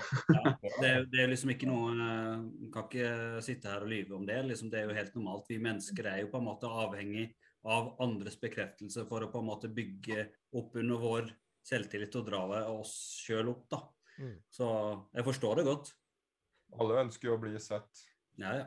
Mm. Men, men litt uh, i kontrast til at det ikke alltid altså sånn, Selvfølgelig til en viss grad så er det også for, for å få en slags sosial bekreftelse, men jeg har i hvert fall merka en del under min diett, og min ene diett, at det, det underbygger rutinene mine. Altså, hvis jeg står på scenen så vet jeg skal stå der i 90 minutter, OK, så kan jeg sende en snap til ti venner som jeg også vet er på diett så er det klart for helvete på trappa, eller i dag er vi motivert til å gå på trappa, eller sånn, et eller annet. Sånn. Og det kan godt være jeg hver dag. Det kan godt være at jeg tar en eh, post-workout flex hver dag. Og det er jo ikke fordi at ryggen min eller rumpa mi eller magen min forandrer seg fra dag til dag. Men jeg har vært der, jeg har vist for meg sjøl jeg er der, og så har jeg på en måte bekrefta, ikke søker bekreftelse, men jeg, jeg bekrefter at jeg har gjort rutina mi. Og jo flere ganger man gjør det, jo mer naturlig kommer det. Og til slutt så er det ikke, like naturlig å, å ta et bilde til trening som det er å spise post-workout meal. Og det, det, er jo, det er jo utrolig bagatell. Altså det er jo en utrolig teit ting, egentlig. Nei, egentlig, det er ikke teit. Takk. Det for jeg, jeg, jeg er helt enig. Altså, i, I forhold til diett og liksom oppkjøring og sånn, så mye av det jeg legger ut, er mer en type dagbok for meg sjøl. Det er ikke for å få bekreftelser og sånn. Altså Bekreftelser ønsker jeg eventuelt fra coach, eller at uh, Natale ser på meg og syns jeg ser ålreit ut. Men mye på Insta for min del handler mer om at det er min egen måte å holde meg sjøl oppdatert på, eller for å eh, ha en type rød tråd i hva jeg sjøl skal gjøre. Ikke fordi at eh, mine følgere må se meg, men det er på en måte en type dagbok eller en måte å holde eh, ringer på for seg sjøl. Men de forsvinner jo fra story, Lasse. Det er jo, du kan gå på arkivet ditt, så er det der. Mm. Nemlig. nemlig. Og det var akkurat det jeg mente, bare litt uh, rotete forklart. Nei, men jeg syns det var bra du sa det, Sunna. for at jeg har tenkt akkurat samme tanken sjøl flere ganger. Ja, det var bra, det var bra poeng, syns jeg. Mm. Men uh, vi har vært på i over to timer nå, folkens. Nå er det. Andreas skal legge seg. Ja, ja er ikke helt ennå. Jeg må eh, få ut, uh, få ut alt på Spotify først. Men uh, som sagt, vi må trekke en vinner med beste spørsmål. Jeg har et forslag. Den med beste tips til å holde seg mett på kutt og ikke dø av cravings den uka i måneden. Utenom viljestyrke. Jeg syns det var et bra spørsmål. Enig. Jeg husker ikke de andre uansett, så jeg sier meg enig. Kan du ikke gjenta noen av de andre òg? Eh, skal vi se. Eh, progresjon på trening under konkurransediett. Hvordan eh, kan man vite at man tar nok i? Ehm, og så hadde vi da fra Sunniva, hvor eh, hver enkelt ser seg sj- sjøl om fem år. Hvem dere vil se meg intervjue på podden. Eh, tips, triks til tilberedning av mat på diett. Tanker rundt eh, powerbuilding. Eh, Mens fysikkposeringer i Norge forbudt med tvisting. Hvorfor? Eh, hva vet dere nå som dere skulle ønske dere visste da dere først begynte i sporten? Hvordan er miljøet backstage på et VM-EM kontra NM? Hva slags oppfølging får de på landslaget før VM? Uh, og uh, Onlyfans. Og så hvorfor vier alle bodybuildere sin tillit til korte pauser mellom settene. Studiet viser at det er bedre med lange. Jeg er enig, enig Andreas. Mm. Mm. Da var det Skal jeg bare se hvem det var som hadde stilt det spørsmålet. Coach Tuven, du får en uh, melding av meg, og så får du litt info hva du skal gjøre for å få din giveaway fra Gym 2000. Da sier jeg tusen takk for i dag. Takk for i dag, folkens. Takk for i det. God helg. God helg. Sunniva, vi snakkes i morgen. Ikke glem det òg, da. Klokka ti er det. Vi får ringe oss klokka ni. Ja, Jeg skal gjøre det. Supert, folkens. Takk for i dag. Takk for i dag. God helg.